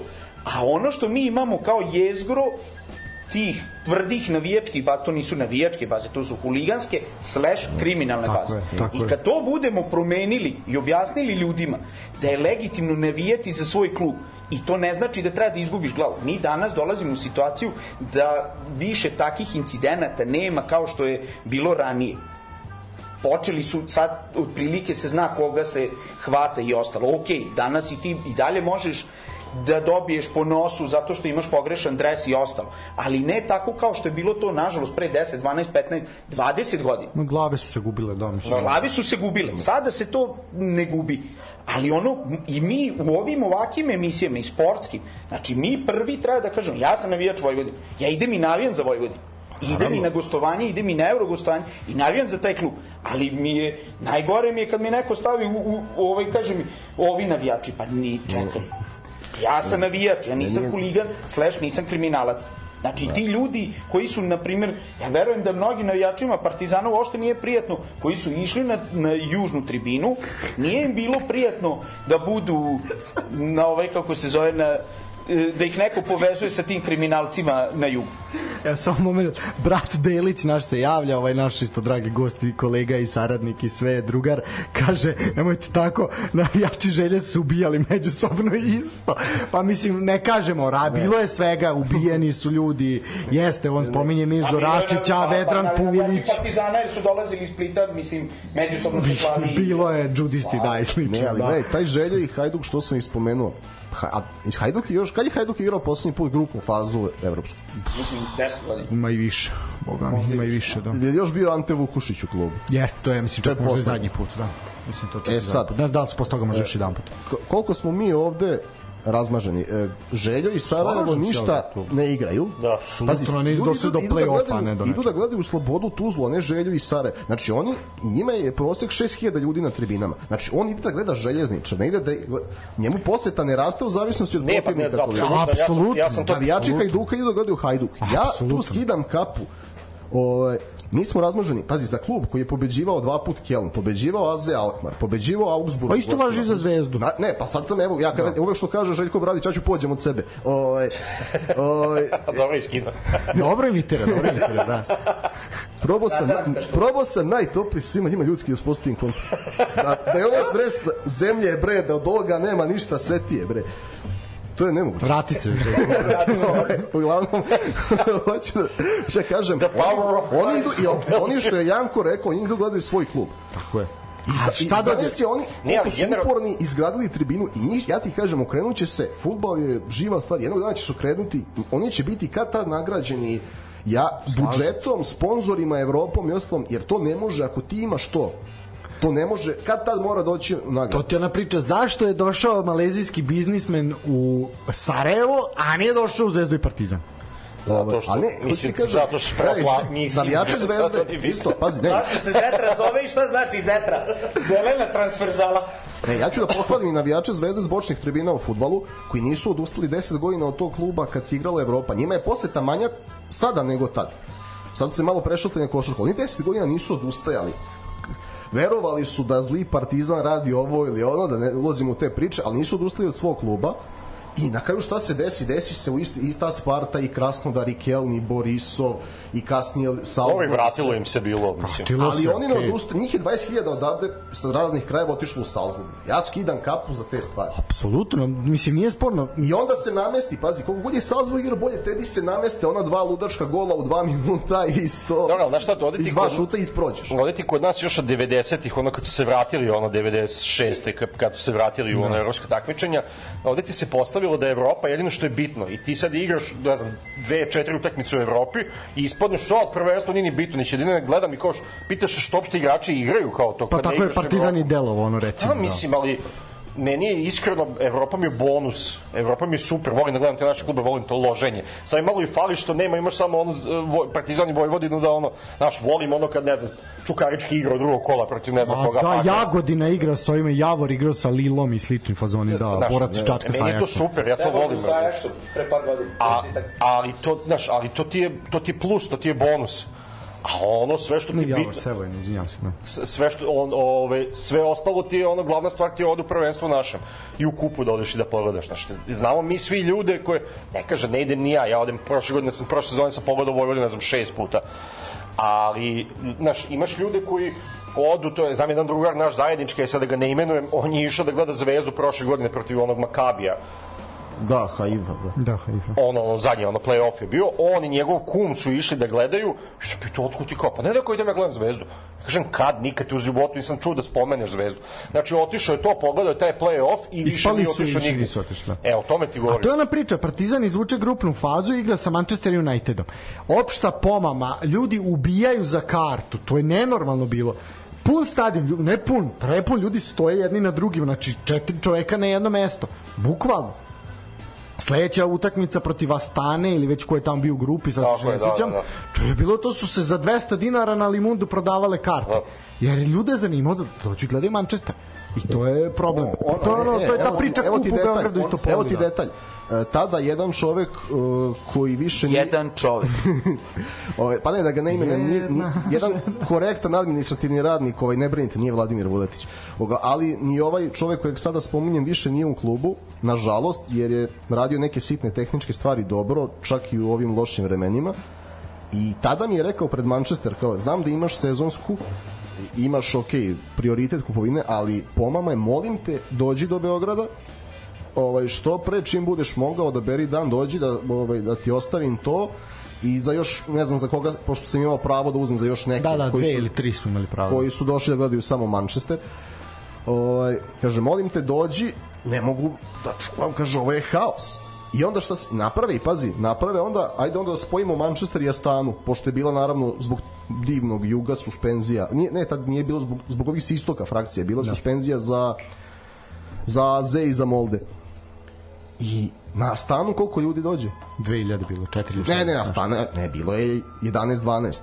Pa to- dobro, da, Ali to je je sramotno, i si imao lepu polusezonu, igrao si sjajan futbol, imao si I majstora tu si futbala. prošao grupnu fazu. Pa čekaj, imao si Sadika, Nadha, Sum, šta to nije bilo lepo gledati? Asana, Fiću, Ja Stevanovića. sam otišao da stanu da gledam zbog Antonija Rukavina.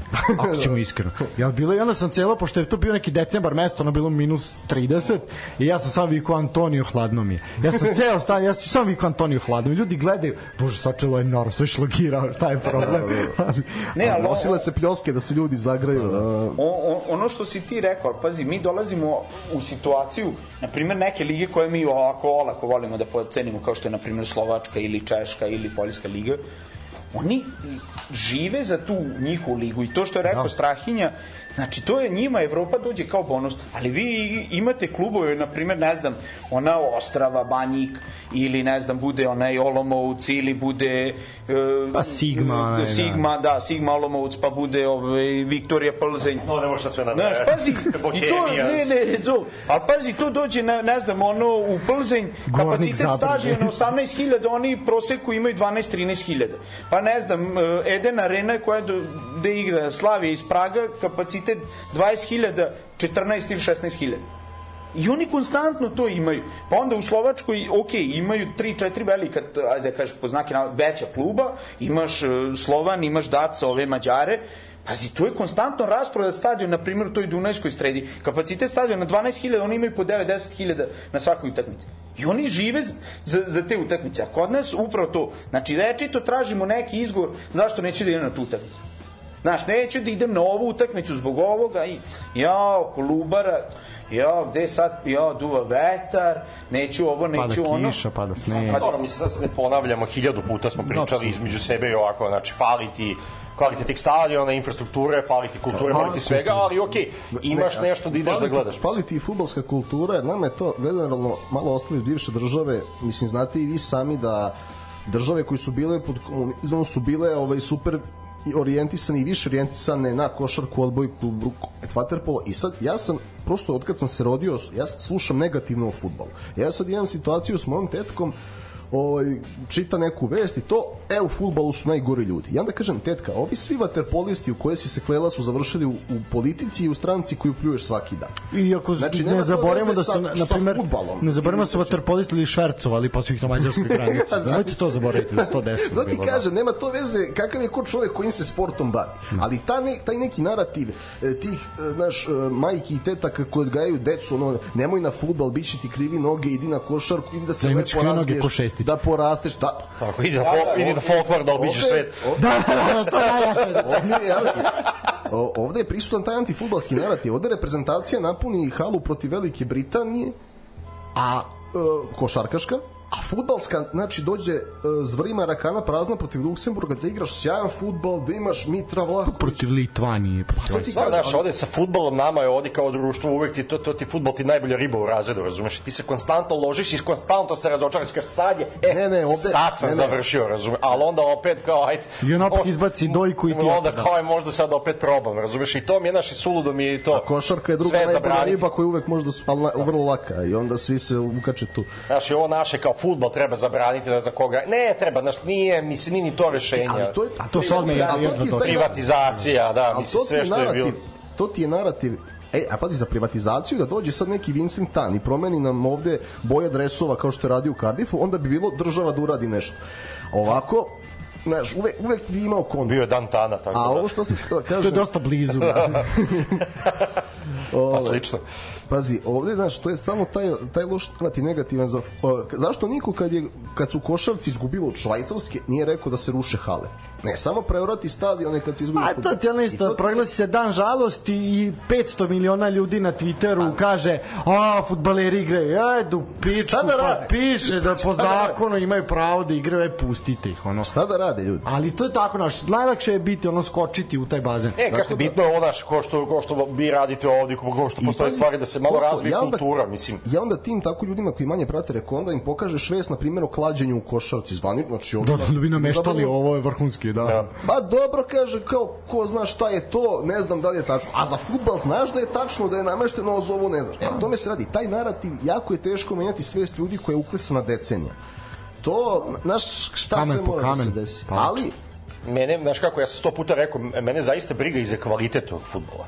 Meni to uopšte nije presudna stvar. Nije presudna, nije presudna. Meni mogu da budu raspad, razumeš ono, ali ako, samo da znam da je, po, da je pošteno, da nije namešteno, razumeš ono, i da se igra. I kakav god da je, razumeš. Pa i da je retus. Pa i da je retus. Pa, sinoć sam gledao bio ono drugo poluvreme, ovi aluminij proti celja, ono. Bilo je par poteza, Retos Football Federation pozavidali bi nam, razumeš, o, znaš, znaš kakvih je padanja preko lopte bilo i ono promašenih i to. Ono, na kraju, znaš, kako su dva gola bilo, ovi poveli 2-1, pa 2-2. Ukla, kako, kako, da. I pazi u onom Kidričevu, razumeš, koji ima ono koliko, hiljada i po stanovnika, ima hiljada nešto ljudi je bilo tamo. I iz celja došli neki tamo, njih skinuli majice, njih 20, razumeš, ono, lepo da odeš da pogledaš, mislim, i to je ono... Kidričevo je iznudilo, mla, iznedrilo Mladena Dabanović, čoveka koji, protiv kojeg se Savo Milošević proslavio, tako da pozdrav i za Kidričevo. Ali... Ajmo dalje, ajmo dalje. Ovaj, da, ovo ide u nedogled, vrtimo pa se, da. A to je kad je više ljudi ovde. Ja, a ne to, ne to, nego je ovo tema, ovo je tema gde ti nas... Što ti mene da prebacuješ? Da. ti si najviše pričao. a, Saga Kolubar to je ono što je odložilo početak Superlige Srbije. Čekaj nama je. Tan, tan. Tan, tan, da, baš je, boga mi, Kolubara, sad ko što je sniman Oppenheimer, sad da se snima Dragiša.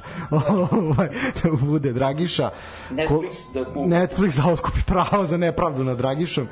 Uh, Kolubari je, znači svi znamo šta se dešavalo, jel, da su kažnjeni, oduzeti su bodovi, poslati su jel, u prvu ligu Srbije Elem, oni su se žalili, taj futbalski sud, sud za futbalsku arbitražu CAS je to poništio, odluku futbalskog saveza, odnosno te kazne. E onda se ispostavilo da je futbalski savez preinačio kaznu i da je rekao jeste nameštali, ali jedan meč, ovaj drugi niste, pa ćemo mi vratiti tri boda, ali ostaje minus šest i time su oni ostali jel, u ligi.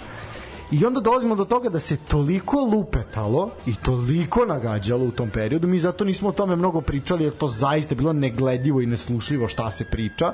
To takva lupetanja, poput ovo ko će gde igrati, ono od Subotice do Vranja, znači slično, ono jako strašno, ali dobro, to je sa problem novinarstva u državi.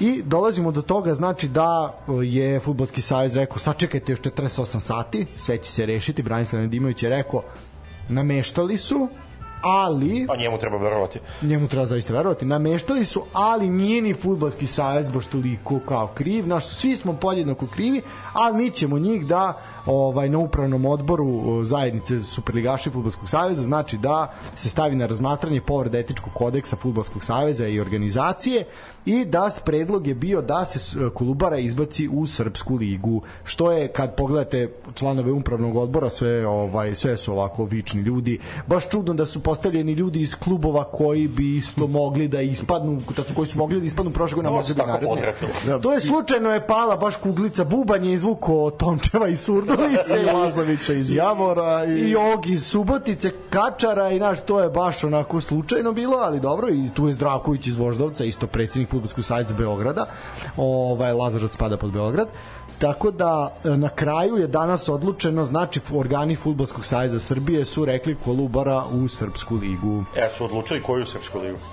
Pa ne znam koja im pada. Pa ne znam, sad zapadnim još i istokim zapadne, razumeš? Da, no, kao sad ćemo da zbase igrate na ono, igrate Kosovo, razumeš da idete na, ne može Kosovo, dobro, ali jug neki, ono šta je tamo. Sapčin, sapčinjom, da, da. da, da. To da. Idu Tako da... Tamo ni oni mogu Leskovcu da igraju. kako, komentar, kako komentarište ovaj cirkus i odlaganje početka zbog svega ovoga i to suđenje, idemo da se sudimo po Lozani i sve i na kraju. Na kraju kadija te tuži, kadija ti sudi. Na kraju ne možeš ništa protiv države. Ne možeš. Ali to je realna slika. Pa jest. To je to. To je to Mislim, ono naš Dragiša koji... Meni je najsjajnije Dragiša i to, u toj sobici gde drži konferencije koja nije izmalterisana. To je toliko bilo jako.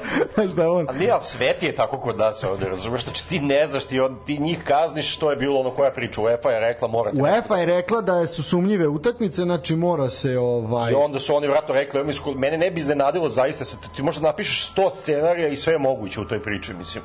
Da ti sad kažeš da su oni rekli Kolubari, e, ajde vi sad ovo da, a mi ćemo se posle dogovoriti, vi nešto ćemo rešiti zajedno, su oni pristali, pa onda nećemo da pristanemo, pa hoćemo. Mislim, meni je laknulo ovo, mislim, stvarno bilo suludo da imamo 17 ekipa, ono, mislim. E, upravo je stigo mail, ja se izvinjam, upravo je stigo mail od futbolskog kluba Partizan, kaže ovako važno obaveštenje.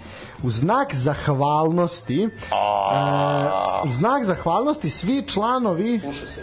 Imaju i besplatan WC na stadionu. Da, da, da. Kaže ovako, e, svi koji su kupili e, sezonsku kartu prošle godine, a nisu članovi kluba, besplatno se upisuju u registar članova kluba prijatelja fudbalski klub Partizan, što znači da automatski imate imate popust. Eto, malo daš sad, to je to. Malo će sad puštaće oni nas, treba čekati, biće to. Da. A neka lepo je priznati grešku. Da, ovo, ne, okay. ovo je, e, e, pa bože imate, e, ovo je u redu. Treba sad čekati s kartama do kraja avgusta, ja vam kažem, čekaš last minute. Apsolutno.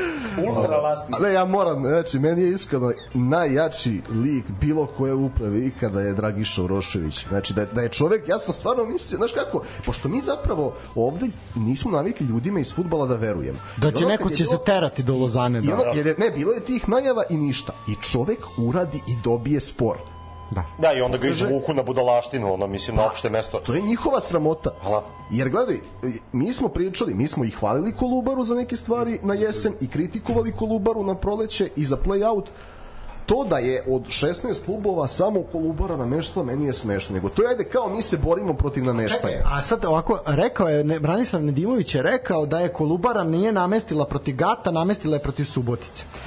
Zašto onda Subotica nije kažena ako i Subotica nameštala? A ti si rekao da je Subotica nameštala.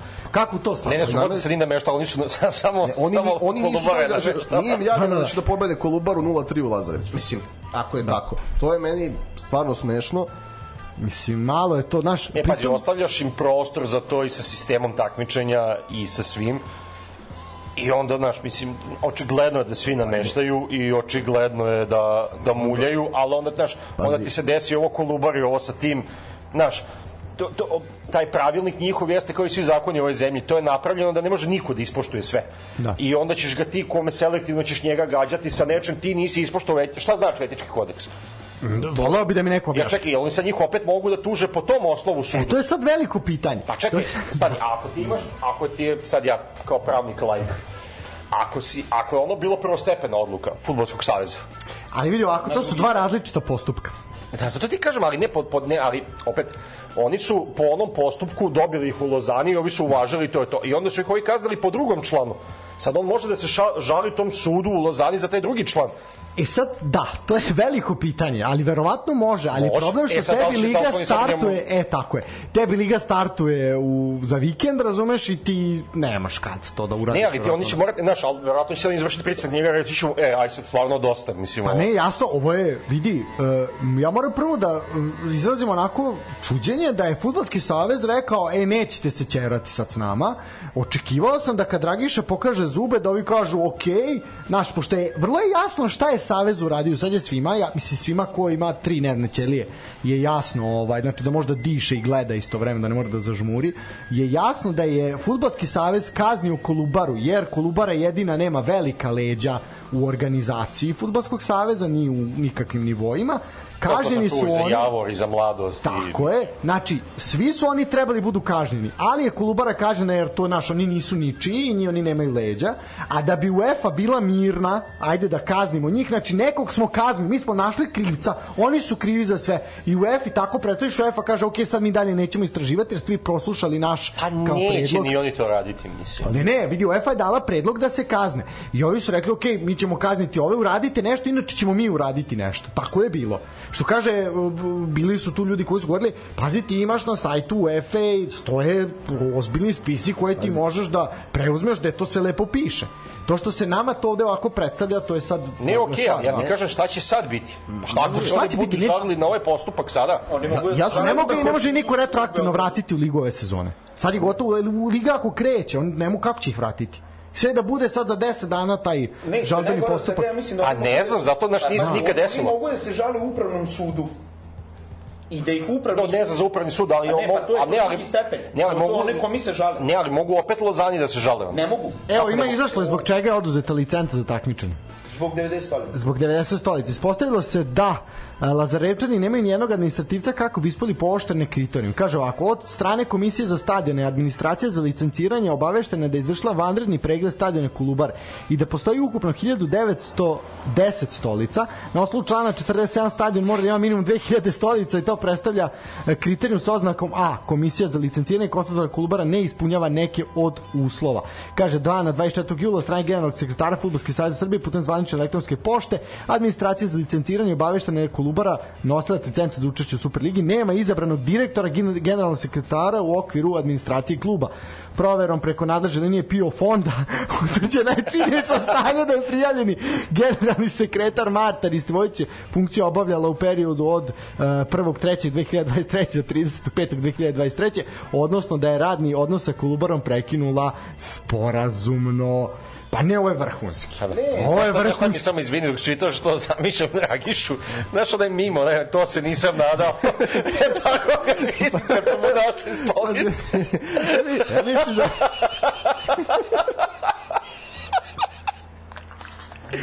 Zamisli, Zemu koji je danas na 45 stepeni brojao stolicu po stolicu.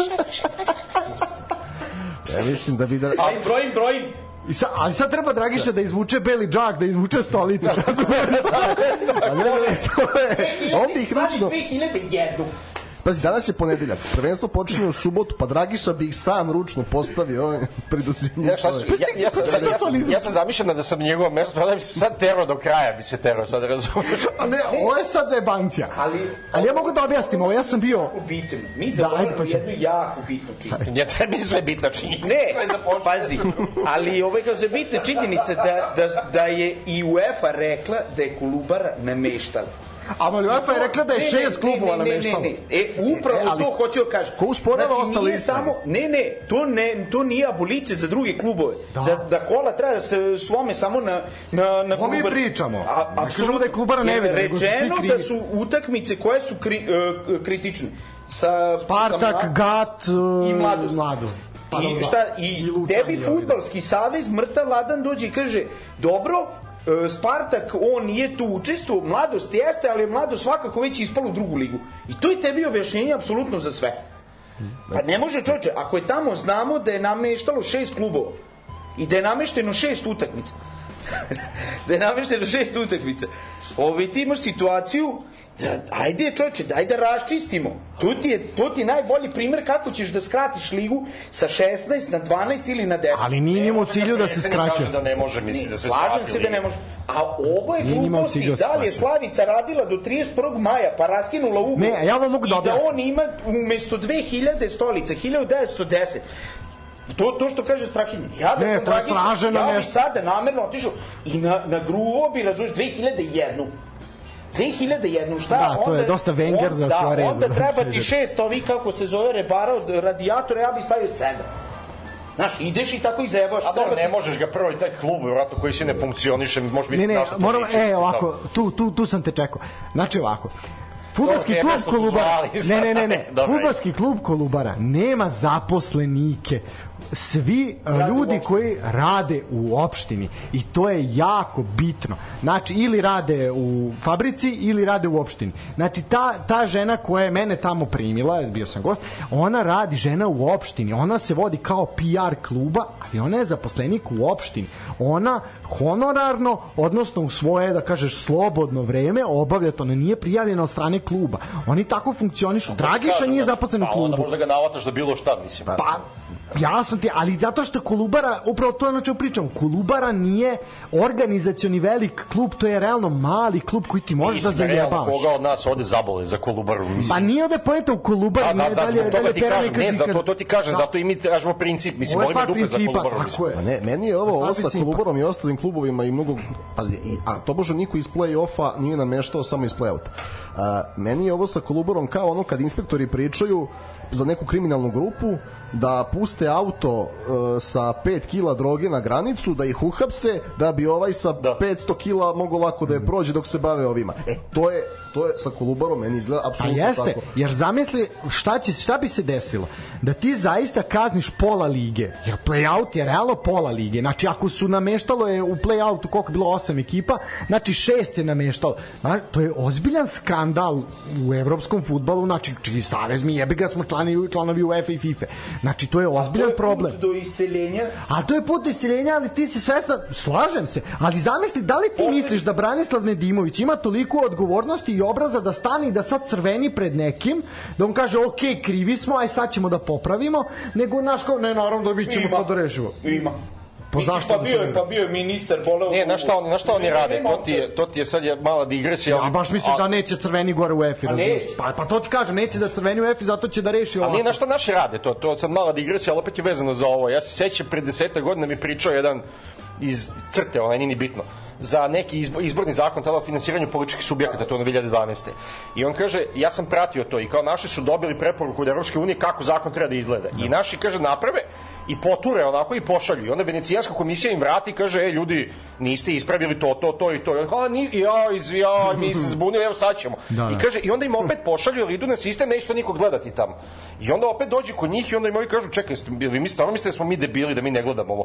Uzmi i ispravi. E, tako ti naši funkcioniš. isto to I on je, sad, on, je, on je sad za Kolubar kao, daj njima, vamo neće oni posle, UEFA neće ništa, pravit ćemo smilno Da, da. razumeš i to. Da samo spravimo blesavi i Ne, isto niko njih gledati, onda, onda, znaš, tačno mogu da zamislim, on kaže kao, da, gledaj, ma ko će gledati, aj pusti me. primer, čuveni primer da li za Falcinelli ili za koga i ono zvezdino neplaćanje Za rate, za rate. da. Što, le, što su legle pare na le, banke legle pare na, u privatan Nemačkoj. ra, Da. na, na pogrešan neki račun, ovo ono. Nije pogrešan. Ne, u stvari, Nije Zvezda, pogrešan. Zvezda u stvari nije uplatila nije uplatila uh, pare. I onda ovi rekli kao kakve pare, ma ćuti ništa, samo ti ovo ono, i šta se desilo, Zvezda na kraju morala plati M što je morala plati tu ratu, M je morala kredite, ove bože, kamate da plati ovo. A dobro, bilo je ono da je, le, da je klub pitao kao kako da. želite da mi isplatimo, to je za ovog malog Terzića. Za koga Aleksa je? Terzić, da, da. To je ono bilo kao da, kao pa ne na račun kluba. Bože, ko plaća na račun Da, da. kluba?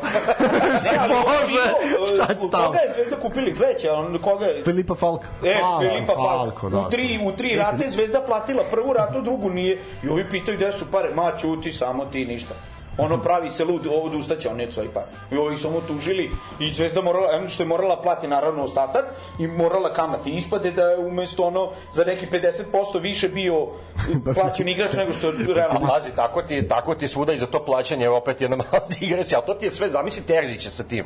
Ja znam kad mi pričao jedan kolega za jednog velikog izdavača iz Novog Sada pre 15 godina, kad je direktor otišao na godišnji odmor, ovaj finansijski ostao, bio i poplaćao sva dugovanja koje su imali. I ovaj direktor kad se vratio i kaže šta je ovo što si poplaćao sve kao, pa kao dugovali smo svima. Kaže, "E, jebi ga, tako bi ja znao da poslujem kad bi svima sve plaćao, razumeš, lako je tako. E, to je to, tako i Fal- verovatno, razumeš. Filipo ono. Falko je još zvanični igrač Crvene zvezde koji neće da raskine ugovor zbog plate koju mu niko drugi ne bi dao i čeka ponud. Samo ovako, kaže ovako. E, sve ovo što smo mi nabrali, je li je bilo dovoljno da se Kolubari oduzme dozvola za takmičenje, što stoji u odluci ispod koje je potpisao, znači Radiša Milovanović neki je potpisao, on ti je zamenik predsednika komisije za licenciranje. Znači, čak nije mogo ni predsednik Ne, ne, komisije da zamenik. pože, nego je zamenik. Nego potpisao. Radiša došao. Da. E, odmah posle toga Kolubara je suspendovana i zabranjeno je da, se igra, da njoj da se igra u elitnom rangu takmičenja, znači ona ne može. E, osim ako ne dođe do vele obrta, pošto ima rok od 8 dana od prijema odluke da se na nju žali. ali, ali pazi, ali opet i ovde što je najgore od svega, znači oni isto zaboravljaju jednu... Ima da za pravni lek dole piše. To, ali pazi, zbog čega Kolubara je ispačena? Zbog administrativnih stvari, a ne zbog onoga što je primarno bio problem. Ali ne mogu, sva, pa Nije, čekaj, razumem ja. jasno ti, da, znači oni nisu smeli da ih izbaci jer je sud u Lozani rekao čekaj, Kolubara je u pravu. Znači nisu smeli, Ne, ne, a opet nisu smeli Pazi, Kolubara je u pravu što je njih e, Savez kaznio sa 9 bodova, a oni su rekli da su dve utakmice problem. Znači vi faktički ne možete da im oduzmete 9, već možete 6. Čekaj, čekaj, ne, ne, stani, stani. E, nije tako, nego je Savez da ne bi ispao kriv je rekao, dobro, kao možda smo mi preterali, ali evo, i za ovo ste ipak krivi, a ovo ćemo vam oprostiti kao to je okej, okay, ali sad ćemo jebati mater I na onda, replici. I onda radiša. Radiša Milovanović. I kaže, nemate, aha, 2000 stolice, 1910. Slavica Broj radi... stolice. Slavica pazi, radi sad do to, 31. ja, pazi, i ovi su isto kokošari Saveza, sad to moguće skroz. Ja, ja. Znaš, da je sad nije ispoštovana procedura za brojanje stolica po kojoj se broje stolica, razumeš? Pazi, mislim da je i Radiša Milovanović izlučana iz ekipe koja je u play-out. Niš, ne, znam, to, sad, to bi sad bilo previše. Mislim, imamo dva Milovanovića lučanima, ne znam je da ovaj treći, ali... Pa što bi ono... E, ali Ali pazi, ne- to... Pa radiše. Pa jeste, radi se. Pa mislim. Radi se, ba te... Ovaj, A ne, sećaš se kad, kad je ovo sve krenulo pre par emisija, ja sam rekao da je Dragiša Urošević e, Mauricio Zamparini Neka Dragišu ruši to ne pevač. i da je Kolubara srpski Palermo i ovo je stvarno Da. tako pošto Ne, Palermo ali u trećoj ili Samo samo sekundu da rezimiram pošto da je jako dobar spin napravljen. Ovo je ozbiljan spin koji treba raščivijati. Znači, oni fudbalski savez nije mogao da ih izbaci zbog nameštanja jer je sud u Lozani rekao oni nisu krivi za nameštanje ali da bi fudbalski savez opro sebe u javnosti da ne bi ispo kako fudbalski savez krije nameštanje ipak oni jesu krivi delimično a sad ćemo vam jebati mater za ono što da da Izvlačiš nešto što... Sad ćemo, znači, jel vi ne, nećete tu igrati, jel, a, mislim, realno bi bio ozbiljan problem da sad, što treba se ubaciti jedan klub da se igra sa 18, da zaista imamo neparan broj klubova, misliš, idiotski. Pa ne, ali Mala je Turska, to sad zbog COVID. e, Čekaj, Možda gde su Turci prošle sezone, Da, tako? Pa da. je- Pa tu smo, da, tu, tu smo, to je papazijanija otprilike. IMT. A ne, ali ka, izvini. Ako IMT na osnovu čega, pazi, znaš, on, on igra na drugom stadionu, okej, da postoji situacija da nema da igra na drugom stadionu. Da, da. Gde je tu licenca? Pa žalit će se, misliš da Dragiša neće žaliti? Ne, ali ja ti kažem 100% postoji, znaš kako je kod nas ono, 100% postoji neka procedura, zapisnik, svedok, ne znam, nija šta za brojanje stolica. Sad će oni se žale na to, verovatno, gde je ovaj koji je licenciran za brojanje, kako, kako, si, 91 kako si da izbrojao. 2001. I onda će se on žaliti i onda će otići na sud i sud će reći da ovaj što je broja nema licencu, da mu istekla licenca za brojanje stolica, razumeš? Da, pa ne, nego će da, da, rok za žalbu, on će reći sanirali smo štetu, doći da licentirati ponovo. Samo što, ok, 8 dana, pazi, tebi dečko već kreće liga za 8 dana. Znači, šta se dešava? Gde će Kolibora biti u tom, za manje, ok, ali dok oni to utvrde, pa će to ići žalba na žalbu i žalba na žalbu, Šte će oni biti? Ok, da na kraju su, su futbolski savjet kaže, ok, u pravu ste, o šta, gde ćete stati? Osim ako Dragiš ne polome nogi u naredne dva dana. Pa kaže, ipak, ipak predomislio sam se da nećemo se žaliti. Pa, ali mislim da ne bi ni išao do Lozane da je to situacija, razumeš? Naš. Ili ni oni što kaže, ni oni nisu verovali da će on zaista to otići pa uraditi. Vidi, nema, nema Dragiša sve pare od sveta tek tako ide u Lozanu. Znači, znao je da ide sa jakim argumentima. I verovatno, samo je pitanje kakav mu je manevarski prostor sada, ali on mora zato doći ovde da to objasni. A ne, ne, znaš šta je to problem? To, to jasno, dosta da deluje kao da su se drugari u pečenjari dogovorili šta će uraditi i onda su drugari ispalili Dragišu. Ja sam ti to rekao odmah, meni tako deluje da je on pristao i da se predomislio među vremenu. Ne verujem da se on predomislio, nego je UEFA malo rekla, ali ljudi šta radite? I onda su oni svi se pogledali, naš pogledali su Dragišu kao novog u odeljenju, kog ćemo sad ćemo njega da nacipelarimo. Pazi, ovde u ovom sistemu SNS sve ti je namešteno i dogovoreno. I ja sam... Jedan za ja, drugog i- drže. Sad ne mogu da stavim naš glavu na panj, ali sa velikom sigurnošću bi smeo da kažem da je Dragiša znao za to. A pa, pa to je dogovor, odelo je kao dogovor i sad je on da bezan on, dogovor nije i da ispušten. je on iz, iz nekog razloga izašao iz dogovora, to šta mu se desilo, šta mu je krcnulo u glavi. Nije on izašao, nije on izašao. Ne, ne, ne, samo Nego su je se samo kola slomila. Kola su se slomila jer je UEFA rekla da ljudi ne možete to da radite. A imamo našeg čovjeka koji je blizak blizak vrhu UEFA, jel imamo Lekovića. Laković. Lakovića. Znači ovaj i tu je I Laković je preneo tu informaciju, koliko se ja razumem. Apsolutno. Znači, Laković je došao i rekao, ljudi, ono imamo ozbiljan, to jest imate, pošto on više nije naš, nego je njihov, Znači, došao i rekao, ljudi, imate aman problem, to ozbiljan problem imate. kazniće vas za što žestoko, nemojte se znači, igrati. verovatno postoji šansa da dobijete pet godina ove, kako se zove, izbačenja iz Evrope, zbog nameštanja ono rezultata, koliko sam uspeo da shvatim, da na mnogim ono svetskim kladionicama nema više srpske košarke, a i futbal je, boga mi, kritičan. Pa dešavalo se da dosta utakmica u play-offu već zadnjih godina, naravno da zadnjih godina nemaš u ponudi, mislim, i to su te neke sulude kvote i ono, mislim, naravno i tako. Pa mislim, objektivno činjenica da su nameštali, mislim da se ne zajebao. Jasno, svi, ali svi. Znači, mi nije ovde I sad to da mi branimo selja- klubu. Čekaj, ako, A je ako je tako, Kolubar, čekaj, šta je problem? Kolubara Spartak. Pa šta ćemo sa radnik Spartak Ne, posle? ne, ne, pa ne, ne. To je to. Slažemo se, sve utakmice su problematične. Znači, sve te što je UEFA navela, to je zaista svaka je problematična. E, ali onda to ti, kao to što smo rekli, sad da ne dužim zaista, ali to ti je onda i sistem takmičenja koji ti omogućava te sve stvari. I to je taj broj klubova i to da imaš 12 klubova da igraš ono čet, četiri kruga i to je onda ne bi bilo bi, ovako. no, Šta- bilo bi, ali ne bi toliko A bilo. ne bi ovoliko bilo, ne bi moglo, ne znam šta će biti, razumeš, ko će ostati, ko ja neće. gledali smo, pričali smo, ono, i proleto se ono Kolubara, ono protiv mladosti ovde u Novom Sadu, ono, mislim, ona utakmica Ono, se pojavili. Evo, gospodin je bio prisutan, da. Ono, očigledno, znaš, došao si tu da, mislim, daj, ne ne zajebam. Ne, apsolutno, mislim, ne, nema šta, baš je zaista, ali Ja se radujem Sagi, nadam se da će... Da, da, ne, ovo, ovo. Netflix treba da, da, da Ne, ne, u, upravo to, u, upravo to što A kaže možda je plan da Netflix ekranizuje da zarade svi zajedno, da, da možda da da, da finansiraju klubovi. Možda znam prevaru, ono, da, Preko Dan Cane koji je u Los Angelesu. Da. Da. Živ, živ. Žiže, da. A Netflix danas uveo zabranu u Srbiju deljenja profila. Evo danas, jel? Od danas kreće, Šta, da. ako otvoriš profil, onda... Ne može, moraš biti, znaš kako to funkcioniše, to je Spotify ima već godinama. A, možeš ti da daš nekom šifru, Da. ali u određenom periodu m, nedelje recimo ili mesec ili u nekom vremenskom periodu ti moraš da budeš na IP adresi Tog tog što ti je da, dao, da. da. Znači, ako, ode, ako je nama sad svima Janko dao šifru, mi svi od moramo jednom otići kod Janka, malo sesti, da se ažurira. Čovjek iz Futbolskog saveza Srbije doći utvrditi da nema IP adrese i onda ćeš... I ne ispunjavaš licencu. Izba, I onda će biti izbačen. Onda dobiješ ovu... Sad pazi, zamisli još jednu situaciju. Dragiša nadomesti stolice. Nabuđi nekako 91 stolicu. Slavica... Slavica broji, Bude- Dragiša lepi. Ne, ne, Slavica bude zaposlena. Sve, Zaposlena pio lice. plati, sve, sve dobije kartu za autobus, sve ovaj, ide po redu. Ovaj, I onda ovi iz Spartaka i Surdulice, Tončev unajmi huligane da upadnu noći i polome stolice.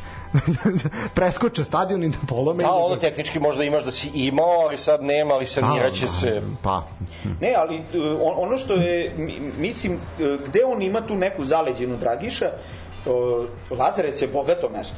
Imaju rudnik. Tamo ljudi Imaju voz. Do, do, imaju voz. Imaju, a pazi, zaista imaju onako pristojne plate i taj sportski centar gde je stadion, tu je odmah pored Da, hala i bazen i ostalo. Za razliku, na primjer, od Subotice ili od Ivanjice, Lučana, oni finansijski mi se čine da stoje najozbiljniji. Zapravo tu greš. Tu ne. Rudnik je, Rudnik je rekao nula dinara, nema ništa. Ne nema može sponzora. Rudnik mora da ostaje za ne bagire da- za 28. sat u toku dana. Da, Da, da, nema, nema, da, oni su ostali bez sponzora, ostali, to je baš problematika što se tiče, oni i Namenska je rekla nula A, bodova. znači, to je poruka. Da. poruka. To je poruka, vrlo jasna, tako da... Tako da radujemo se Sagi. Šta imaš još? Cijela poruka. E, ima dalje, imamo na kolo, jel, ko s kim igra u prvom kolu, imamo malo košarku, Jokić je rekao ne, istorijsko ne Jokića ponovo, treći put. Četvrti. Četvrti. Znaš, za, tehnički i peti, ali to je bio prozor jedan. Mada su tad Bogdanović i Bjelica došli iz Amerike da igraju u Grčkoj. Dobro, čekaj, čekaj, prvo Superliga, prvo završimo s fudbalom. Brzo. E, znači, ako takmičenje počinje 29.7. što bi rekli za 5 dana, ale, ale, radujemo se tome na ovim temperaturama. Super Ćelijsko liga, Super Ćelijska liga kreće. Definitivno, super ćelijski. Kaže ovako, u Beograd, nema još uvijek naravno, mislim ima ko s kim igra, nema još uvijek kad se igra, ovaj, to bi bilo zaista previše da se zna nedelju dana napred, ovo je strašno. Ali pogledajte vi raspored takmičenja na zvaničnom memorandu. Mene jako zanima da bi futbolski klub Vojvodina ovo uvažio. Pogledaj šta piše znači čekaj sad ovako. Znači kaže ovako, organizacije u zagradi 1, Futbolski savez Srbije, takmičenje pa 35063145 od Srbe Superliga Srbije 23-24. Ukupno rezultata 240, pa su već ophladili šta gde. Kaže ovako, 29.07.2023 u 0000. A ne piše se sa nula, to je po pravopisu nije. Da, u Beogradu Crvena zvezda Vojvodina unesen. Kao unet u sistem, razumeš? Aha, aha. Ali unešeno vreme. A ne veze. To da računamo da prvi pet kola neće ti biti, jer svi ovi što igraju Evropu neće igrati. Tako Pa da. to ćemo sad, to će biti jako zanimljivo s obzirom ono što je Nikola rekao van programa, s obzirom da Zvezda ne igra kvalifikaciju, uvijek je bila Zvezda tako je potencirala i onda fudbalski savez A kaže Vojvodina igra u četvrtak. da i onda je na fudbalski savez rekao naš u interesu srpskog fudbala je da da odmorite. Da. Tako je. Znači ovako, Beograd, Crvena zvezda Vojvodina. Eto. Vreo kiparski teren, pa onda vreo Rajko. Kada oni to igraju u nedelju? Nema vremena još. Ja sam siguran da će se to igrati, ali da Pa Zvezda u bude... Ali da, da je Zvezda onda neće biti odlaganje, da, s obzirom da se zvezdom, da neće. Neće biti odlaganja. Ovaj možemo da prognozirati, ajde. Pa mislim, ako budu igrali Čiskec, nema tu šta. Ne, iznenadio bi se ako bi bilo nešto gusto, iako navijam za Vojvodinu. Mislim, realno, Zvezda Jedan, jedan. iz- izgleda dobro. Tačan rezultat? Jedan, jedan. Uj, oj. Znaš da je Zvezda generalno ima malo sa Vojvodinom. To Problemčić u prvi poslednji, da, u prvom kolu. Da, uvek bude 0-0, 1-1, da. Jedan, jedan. Pa zato je igrač iz Vojvodine prešao direktno posle 15 godina. Tako da Keci 3 plus piši odmah. Doći umorni s Kipra, a još ako bude aktivni za revanš, aktivan rezultat pred revanš u ovom sadu nije im zvezda ni u fokusu. prvog polovreme X. Uh, u Kruševcu će napredak dočekati Pančevce, Lokomotiva, eto novi superligaš kreće iz Kruševca. Železničar, ne Lokomotiv. Železničar, pa Lok- Lokomotiva, da, da. Lokusi. Lokusi, da, naši Lokusi. Ajde, Janko, ti smo. Pa, Kecku kući. Dobro. Niđo. To mi je 0 do 2. Ne znam šta da očekujemo tog železničara. Ima jako puno ovaj... Jako puno, Lakićević, bivši igrač Vojvodine. ima jako puno Hajdin i te jako puno tih 35 plus igrača. Boja Stanković. Pa, vidi, Ro- Rogan je trener, mislim da će pokušavati da igraju futbal, onda se ne igravaju. Tamo gde mogu. Eto, to A je ja ću reći, Šta ti kažeš? ja ću reći uz, Aj ako, x2. Aj, uzet će bodove. Uh, da dajem tačne rezultate. Ne, moraš reći šta god da treba X. uplatiti nešto, možda neka humanitarna. X nešto. 0-0. Ujebote, osi, osi ovako optimističan, što bi rekli. E, u Lučanima mladost dočekuje radnik odmah derbi Juga. E, dvojka. Dobro, dvojka. Dalje. Mm. Konačno nemamo dve mladosti, ono sad smo razumeli da je Lučani, konačno. Lučan ima... Šta znam? Pa to 0 nije- do 2. Mada. Neka. Ajde, optimizam moj. X. Sve prvo kolo X. e, u Subotici Spartak IMT. Eto, traktoristi kreću iz Subotice. Dvojka. Optimistično, ja. Inače, cena, znate kolika je cena sezonske za Spartak? 1800 dinara. ja, eto, mogu i nekom za rođen, neko iz Subotice, nek se javi. Kupite knjigu, dobijete sezonskog gosti 3, 3 plus Spartak IMT. Ja ću, ja ću oba tima daju gol. Ja ću reći kec na Spartak. Pa iskustvo, mislim, mislim Da, da, će da, neću što ići. Uh, Beograd, uh, znači ina, inače IMT igra na stadionu Voždovca svoje domaće utakmice, pre, prelepo. Ovaj, I Voždovac, Javor Matis, recimo u Beogradu, to je naredna utakmica. Janko. Mislim da je Kec. Kecko vrata, da. Kec. Kec isto. Ja ću se iznenađenjem, mislići gol, gol. A, zatvorit ćemo Max Bet kladionicu ako dobiješ tiket. A, Novi Pazar, Radnički Kragovac. Uf, To bi bilo go go 3 plus. i ja sam za 3 plus, aj piši me na... O, evo, konačno. Sad se raskravije. Gol, gol. Uf, ja ću 0 do 2, s obzirom da su se svi raspucali. Volim što je Čukarički upisan kao Čukarički DOO. To ime punas. Protiv Niša igraju. Zapravo, ali vidiš što piše 10 odigravanja Beograd. Malo ćete sutra igrati u Beogradu, ali ajde. E, Ču, Čuka, radnički niš. Da. Da. E, Kec i kako se to kaže ono domaćin 2 plus. To sam ja htio isto.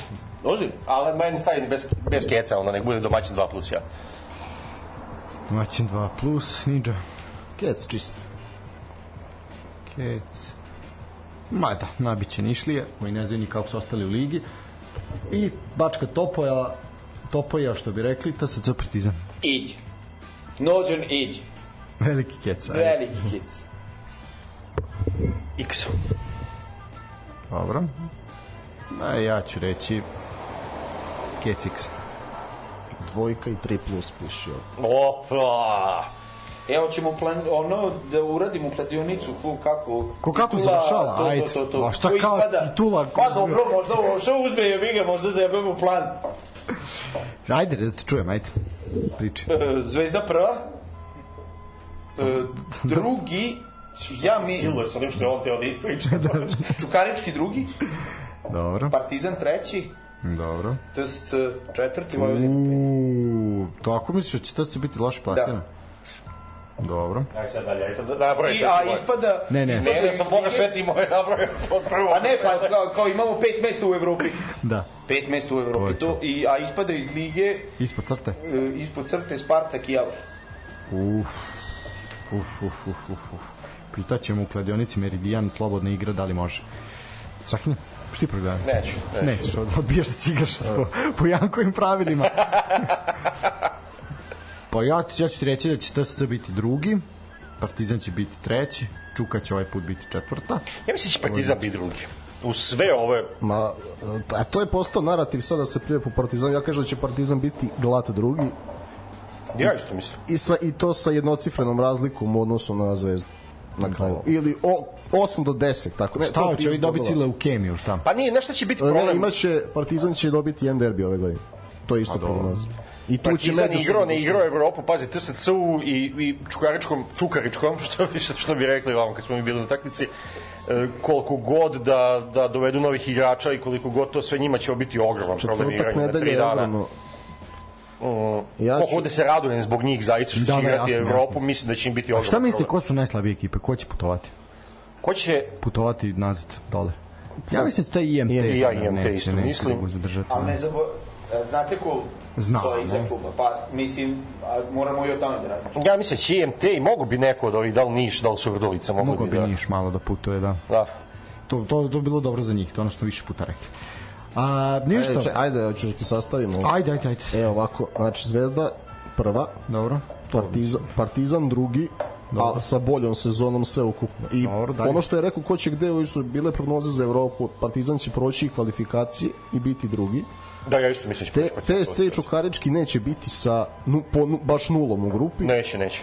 i mislim da ni Zvezda neće biti s nulom u Ligi šampiona. To baš moralo biti da se desi čudo, ali dobro. A, ajmo dalje, treće mesto. E, treće mesto e, TSC, četvrto mesto Vojvodina, peto mesto Čukarički. Mislim da će gubiti dosta bodova tokom jeseni, da će na proleće pokušati da se šlepaju i mislim da mislim da Vojvodina mora da uradi nešto do kraja avgusta i u januaru. Mislim da neće biti toliko i kritični. Očekujem da Kragujevac bude tu negde šesti, da bude ono što je bio Pazar prošle To godine. će biti, verovatno. Oč- da ostanu i ko su vam ko su vam još tri kluba za plej-of ajde da vidimo meni je Kragujevac Voždovac, Voždovac, Kragujevac, Meni Kruševac. Meni Kruševac pre, pre Voždovca. Voždovac, Kragujevac i I nešto, mislim da, da železničar iz Panča može da bude zato što ima... Ja mislim da će železničar biti prilike kao kao oni će, Kolubara, dobro, oni će dobro krenuti, onda će stati. moment. će biti na ivici play-offa i mislim da ostaju u ligi, mislim da njima druga Pa to, sezona. to, kao Kolubara, da. Da, da, da. druga da. sezona kritična, a prva ne. Sve u svemu biće dugo, dugo, dugo je lepo. A, ko vi ispada? Pa ako gledamo futbalski Znaš, šta je to pitao? Znaš, to što si rekao, futbalski, mislim da EMT nema ne znam koje ambicije. Ali ajde da sačekamo. A, mislim da Lučani mm, ne znam ni oni kako su se spasli realno. Mislim da su da bi mogo Niš, bi, biće sigurno borba za opstanak a ne očekujem Niš kad su se već spasili mislim da će lakše da ostanu Dobro, sam više ovako navijački su mi se zgadili više i oni, i oni su... I bilo bi dobro za Surdulica i da, uf, to bi bilo dobro za njih ispadno i za nas. nekako mi mm, ne liči mi da će oni mislim da će ovaj Spartak opet da se bori nešto iako ne bih volao to više bih volao Niš ne znam ali kažete Lučani su mi sigurno u borbi za opstanak e, Lučani i MT ne vidim kako da ne budu To su stalno isti klubovi Javor u borbi, i, da. i Javor. I Javor, da. E da, ja, ja, e, Javor ume to, Javor, Javor nema tu zaleđenu, oni odu pa se vrate. Da, zapravo mi je Javor, Javor mi je u užem krugu, zaboravio sam pa, njih. Da, to su ti za play- četiri, pet a za kluba koji play-off već čitaju. Slažem se Jankom, mislim da i napredak ima tem, mislim da će napredak napasti play-off. Pa dobro, prošle godine nisu, pretprošle jesu i tako Pa da. tako, da, znači, da, to je to. nije mi čak ni voždovac zakucan jer mnogo igrača prodaju. Jako je teško da iznova prodaješ i stvaraš. Oni će, imaju siguran opstanak, ali da li im je osmo mesto zakucano, mislim da, da ga neće izboriti Pa biti kao prošle borba. godine. Da se, tako da nekako mi je radnički mimo ovih pet najstabilniji. Pazi, meni- Pazi, za, izvini za opstanak, ako nešto ne rastiče urodi, može i Pazar da bude u problemu. E, a kad smo kod pazara, Bajro Župić je novi predsednik kluba. Pa, lopta može da prođe igrač, ne. Da, da, Ali- dosta zanimljivo, vidjet ćemo. Vidjet ćemo šta će biti sa njima sad. E, to je sad pitanje da li je zaista Ra- Čikarasim otišao ili nije otišao odatle. Da, deluje da je raskrstio. Jer ako ne bude njegove nevidljive ruke, Pazar je u problemu. To, Ozbiljno, da. Ne, ja sam sam teo da kažem ono što je Nikola rekao za Evropu. Ja mislim da je potpuno realno da imamo četiri kluba u, u, u grupnoj fazi. Znači, tri ću sigurno, ali mislim da je Partizan poprilično, ja sam siguran da će Partizan proći u ligu konferencije. Ako Čak se ne siguran da će i. Vojvodina stići ono, da mislim da će proći ove Kiprane. Dobro. Sad sledeće kolo, ajde vidjet ćemo, ali meni deluje realno da Zvezda uzme jedno 3-4 boda. Da A eve, znaš šta, ako zaista ne mogu Bilu gori da pobede, sad- onda i jebi ga. zavisi ko, ko zvezdi bude u četvrtom šeširu, sad ako ti naleti Newcastle, a i koga dobiješ u prvom i drugom. Pa dobro, pi, da. Ali kažem, ako budu normalne grupe, da ne bude baš da da je... budu treći, mislim, da se bore za to treće mesto. Da, i realno mi da čak i taj Čukarički uzme neki bod, u, verovatno u Ligi konferencije najverovatnije. i da to Polo uzme jednu pobedu u Ligi Evrope ili tako pa nešto. ima tu jedna stvar kod Zvezde, nemojte zaboraviti to, oni bili u formi ili ne, oni jako teško gube utakmice. Da, A, domaći teren je domaći teren. I ovo, ja stvarno ne ne, očekujem nikog s nulom, s tim da Čukarički, na primjer, da je na mestu TSC u Ligi Evrope, zato smo navijali da TSC ipak bude drugi kad je već Partizan otpao, Mhm. da je Čukarički, pa možda stvari nećemo da ga otpisujemo, jel, u kom će takmičenju ko da bude, ali meni je realno da ipak e, Čukarički je u ozbiljnom problemu za Ligu Evrope, ali u konferen, Ligi konferencija niko živ. Evo taj RFS koji će sad može igrati s Partizanom je uzeo bod Fiorentini. E, A svi znači, naši niko nije klubovi su realno za ligu konferencije. Niko, da niko nije završio Da, s da. nulom i ja mislim da Čuka ako bude u Ligi konferencija neće završiti s nulom. Liga Evrope za njih je i dalje jako teška, a da TSC u Ligi Evrope može malo, malo više od njih, Pa da, znaš kao, nije, nisu velike, nije velika razlika u novcu između Lige Evrope i Lige konferencije, ali možda je bolje naš ići u Ligu konferencije pa šop nešto možda uraditi, da. da ne može da se takmiči. bazi, meni isto i... da TSC, izvini sam da završim TSC, uh, ovo što su doveli ove igrače koji su uh, neki da kažeš spoljni potencijalni reprezentativci iz drugog plana, njima će biti lakše da igraju, imaju mesta da igraju neki od njih i u Zvezdi i u Partizanu, ali je mnogo veći pritisak. Mislim da ovo što su tu Pantović, uh, kako se zove, Stanić, Tanić i to da te karijere mogu kasnije da se razviju mnogo bolje iz TSC. pa dobro, da. Ja TSC je zdrav, mislim, ono, i zanimljivo je to. Ja kažem čak i da nekim čudom odu u Ligu šampiona. Znaš šta čuvena priča kod nas bolje da ne idu u obruka će se, pa nek se obrukaju, nek bude 0-0-6, nek bude gol razlika 1-20, razumeš, Jedan mislim. PSC, koliko, neki... nek odigraju, nek vide neko iskustvo, nek nešto. Zato naš Čukaričkog očekujem, imali su ono, prošle godine bilo sa onim Aikom, jel, jel to prošle godine bilo? Pretprošle s Hammarby. Pretprošle, sa Hamarbijem, jel ono? Da, da. Ono, prošle, sa prošle sa Twenteom, ono bilo. Znaš, nešto se ostalo je nešto tih igra, znaš, nešto su naučili, nešto su videli od, od te No, Evrope. Twente je bilo razbat... ono, Da, da malo, naš, da, da i oni dobiju koliko god da mi taj klub, kad nije mi jasno postojanje tog kluba, ali opet kao, ajde, radujem se, drago mi je. Eto, ta je bila situacija na stadionu da smo Janko i ja objašnjavali onom Rusu kako je moguće da tim koji je u tom momentu drugi na tabeli da nema ni jednog navijača, da kako je to moguće. A mislim da ja bih ga moguće, da. A, ja bih završio drugarima iz fudbalom, prešao bih zaista na košarku jer danas se uzavrela sportska i ne samo sportska javnost u državi ovaj podigla oko spiska selektora Pešića, prošireni spisak, nema MVP-a, tačnije nema, jel da, MVP play-off, šta je, koji titul onda? MVP finalne serije. Finalne serije. Ovaj, I cele Amerike. I cele Amerike, da. Ovaj, Nikole Jokić, on je rekao istorijsko ne, koji četvrti put smo rekli, Ova, imam ja tu preliminarni spisak, znači ovako na spisku, znači ovako nema Jokića. Jel imaš još Štimac na spisku? Uh, nema Jokića, nema Kalinića. Štimac, e, otac mu se razbolao, ima e, kancer. Da, i on, on se obrio glavu. Ove, pošto mu Čali izgubio kod, pa se i on ove, obrio. da. A nima koša ni pre toga šta da reći. Ma da, okej. Okay. Ali e, Nikola Jokić, znači nije tu Kalinić, nije tu Vasa Micić, nije tu Ovaj, a rekli smo, znači, tu su Bogdanović, Jović, Pokuševski i Petrušev.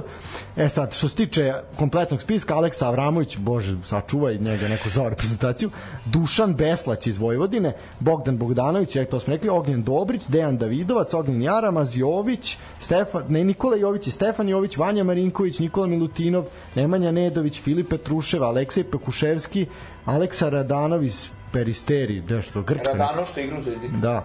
A, Dušan Ristić, Tenerife, Alen Smajlagić, Boriša Simanić, kako bez Boriša Simanića, bez Boriša. Nikola Topić, Uroš Trifunović i Marko Gudurić. Jadna meni, mila majko. To nije toliko loše, da. Ove, evo, na primjer, to drugo ime koje se spomenuo, Dušan Beslać. To je klinac koji igra trenutno sad na evropskom prvenstvu ove, i Mali Topić. On, to je ono što su Dobro, tu su, da, neće, neće oni otići, ali da. Spiska, verovatno, ko neće igrati, neće Malo igrati, moment. ko neće igrati, verovatno Pokuševski, pošto sam gledao danas pres konferenciju selektora, verovatno neće igrati Pokuševski, pošto je Pokuševski ono, u, još u tom, kako se to kaže, post-operativnom postupku, ono poravlja se od teške povrede. A Jaramaz? Jaramaz, Jaramaz takođe. Da. E, Stefan Jović takođe, tako da verovatno ono što definitivno mislim da će biti problem sa reprezentacijom već duži niz godina imamo problem, a to je pozicija 1, pozicija playmakera. Mislim da će užasno biti veliki problem. Tu je Aleksa. Mislim, okej, okay, ne, ne, nema ja problem sa Aleksom, ali ko, ko je drugi play reprezentacije? Nemamo drugu pleja. Nemamo kao ranije godina da imamo Teodosića koji je bio napadački deo ove, u reprezentaciji i Stefana Markovića koji je njegov antipod. Tako da... Pa i Stefana Jovića koji je njegov antipod. Tako je. Ali imaš sada Jovića koji je u problemu sa leđima ima privatni problem. Nije to taj Jović koji pegla odbranu. Mm, slažem ja bi se iskreno, veruj mi, da, da Jović može da igra kao što je igrao do 2017 ja bi se ne bih ni brinuo. Da, apsolutno. ovo je... Ono, ono što je tu isto situacija, ima taj mali Nikola Jović, ja bih voleo da ako Kuševski može da odigra, to bi bilo sjajno, ali zaista ne vidim da ne znam, si spomenuo Nikolu Milutinova, tako? Jesam, da. Jeste. Ok, te pozicije 2 i pozicija 4, 5, tu smo jaki. Naravno, bili bi prestrašni sa Jokićem, Ne znam. Pitanje je da li bi bili prestrašni. Pa, pa bio je, evropskom, pa bio je, na evropskom, da. dođe neki spisu i šta, mislim, pre pa ne, toga... ali tebi, okej, okay, ali mislim da je tu isto veliki problem, naravno, Pešić koji je selektorima je najveći problem. Na, na, najveći problem plašim se da smo više, Pixija. Ne, nema te više oštrine, to je broj 1, broj 2, nje, njegov način komunikacije je apsolutno anahron za, za te igrače. On je čovek u, u tom analognom doba, oni su digitala par excellence. Da, Prvo pritom je ispirota, ono. Znaš, ono, to, to je isto problem. Ja, sam, ja, ja sam zaista nisam mišljio da će on ostati sad do svetskog prvenstva. Ja sam iznenađen da da je on pa, zato što se neko pametan setio da čoveku koji ima i zdravstvenih problema i 70 i kusur godina da ugovor na 3 godine da radi ceo ciklus za ključno sa olimpijskim okay, igrama. ja mislim uh, u tom mislim da ne bude izvini da ne bude da sad seremo po Pešiću on je da. čovjek odradio lepe ne, stvari od pre 20 godina ja mislim da on više sad nije za selektora apsolutno ne, ne, ne samo Može bude savjetnik selektora. A, može nešto da bude. Ono što mi da. moramo da budemo pošteni, mi smo oterali Igora Kokoškova ali onako, tako smo ga oterali da smo guzicu zatvorili. A do, ko je sve, iz, i, i, mislim, i Saša Đorđević je oteran bio da se ne zajebamo. Slažem se. I ono što imaš isto veliki pritisak je ta priča to da li stranac treba da igra, ne treba da igra za reprezentaciju. U ovom trenutku ja mislim da stranac treba da igra. Treba da igra za reprezentaciju, jer mi hroničan problem ima već duži niz godina, to je pozicija 1. I mi nemamo igrača. Kevina Pantera ima na pasoš. Što Kevin Panter? Ne, ne, da Što do... nismo Kako zvona još zvezde što igra posle budućnosti? Omar, Omar Kuka. Omar Cook igra za Bosnu, Da, da. da. Ne, pa bio i Charles Ne, Jenkins. za Crnu Goru. Ili Crnu Goru za Bosnu. za Crnu Goru, Crnu Goru, Bosna ima da. drugu. Bosna ima neku Bosna, Da, Alex Renfro i... Da, da, re. Ali, na primer, ja ne znam šta je problem što reprezentacija nije otišla u, u Ameriku i dogovorila s nekim crncem iz Amerike. Pa evo ti imaš tu ljudi koji su ti koji godinama igraju sad tu kod nas, mogu igrati, ne moraš ići u Ameriku, tu ti je. Ne, pa ja mislim da je, da je bila još veća varijanta da si doveo nekog NBA Ja mislim da ti to neminovnost u budućnosti, ono, tako da mislim da što pre se desi biće lakše, znaš, da probiješ to i da kažeš, ok, evo, imali smo prvog stranca. Dobro, a kako vi... Slovenci sa Randolfom su uzeli zlato. Ok, kako komentarišete napade na Jokića? Poseljački srpski što. Naravno, pa znalo se šta će biti. Ne, na, apsolutno se slavim, nema tu šta. Ne, odmah je krenulo, znači, filovanje pa ne, naravno, evo, mislim, Da, krenulo... ali to je, izvini, ali to je ono, ja sam zbog tebe ustajao, ne znam, učaj. A ko te terao da ustaješ, mislim? Ja taj čovek nešto, mislim, mene, kako ti kažem, ja, ja jedan sekund Denver Nuggetsa nisam pogledao prošle sezone.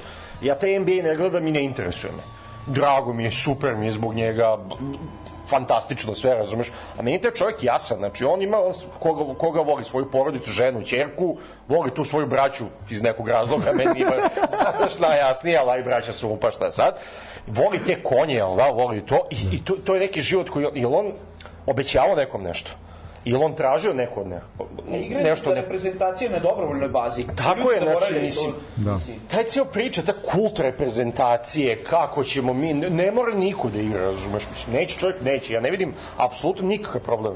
sa ono, tim. ono, ono što je meni... Nije, nije problem ovde- ono što neće, nego što se zbog nekoga ko neće, ljudi onda očekuju njega, što se bojiš da gledaš Denver, idi gledaj Atlantu zbog Bogdana. Tako tako koji, koji to zaslužuje mnogo više nego gledanje Denvera. Ja, ja, sam da ustao gledam Denvera da navijam protiv Jokića.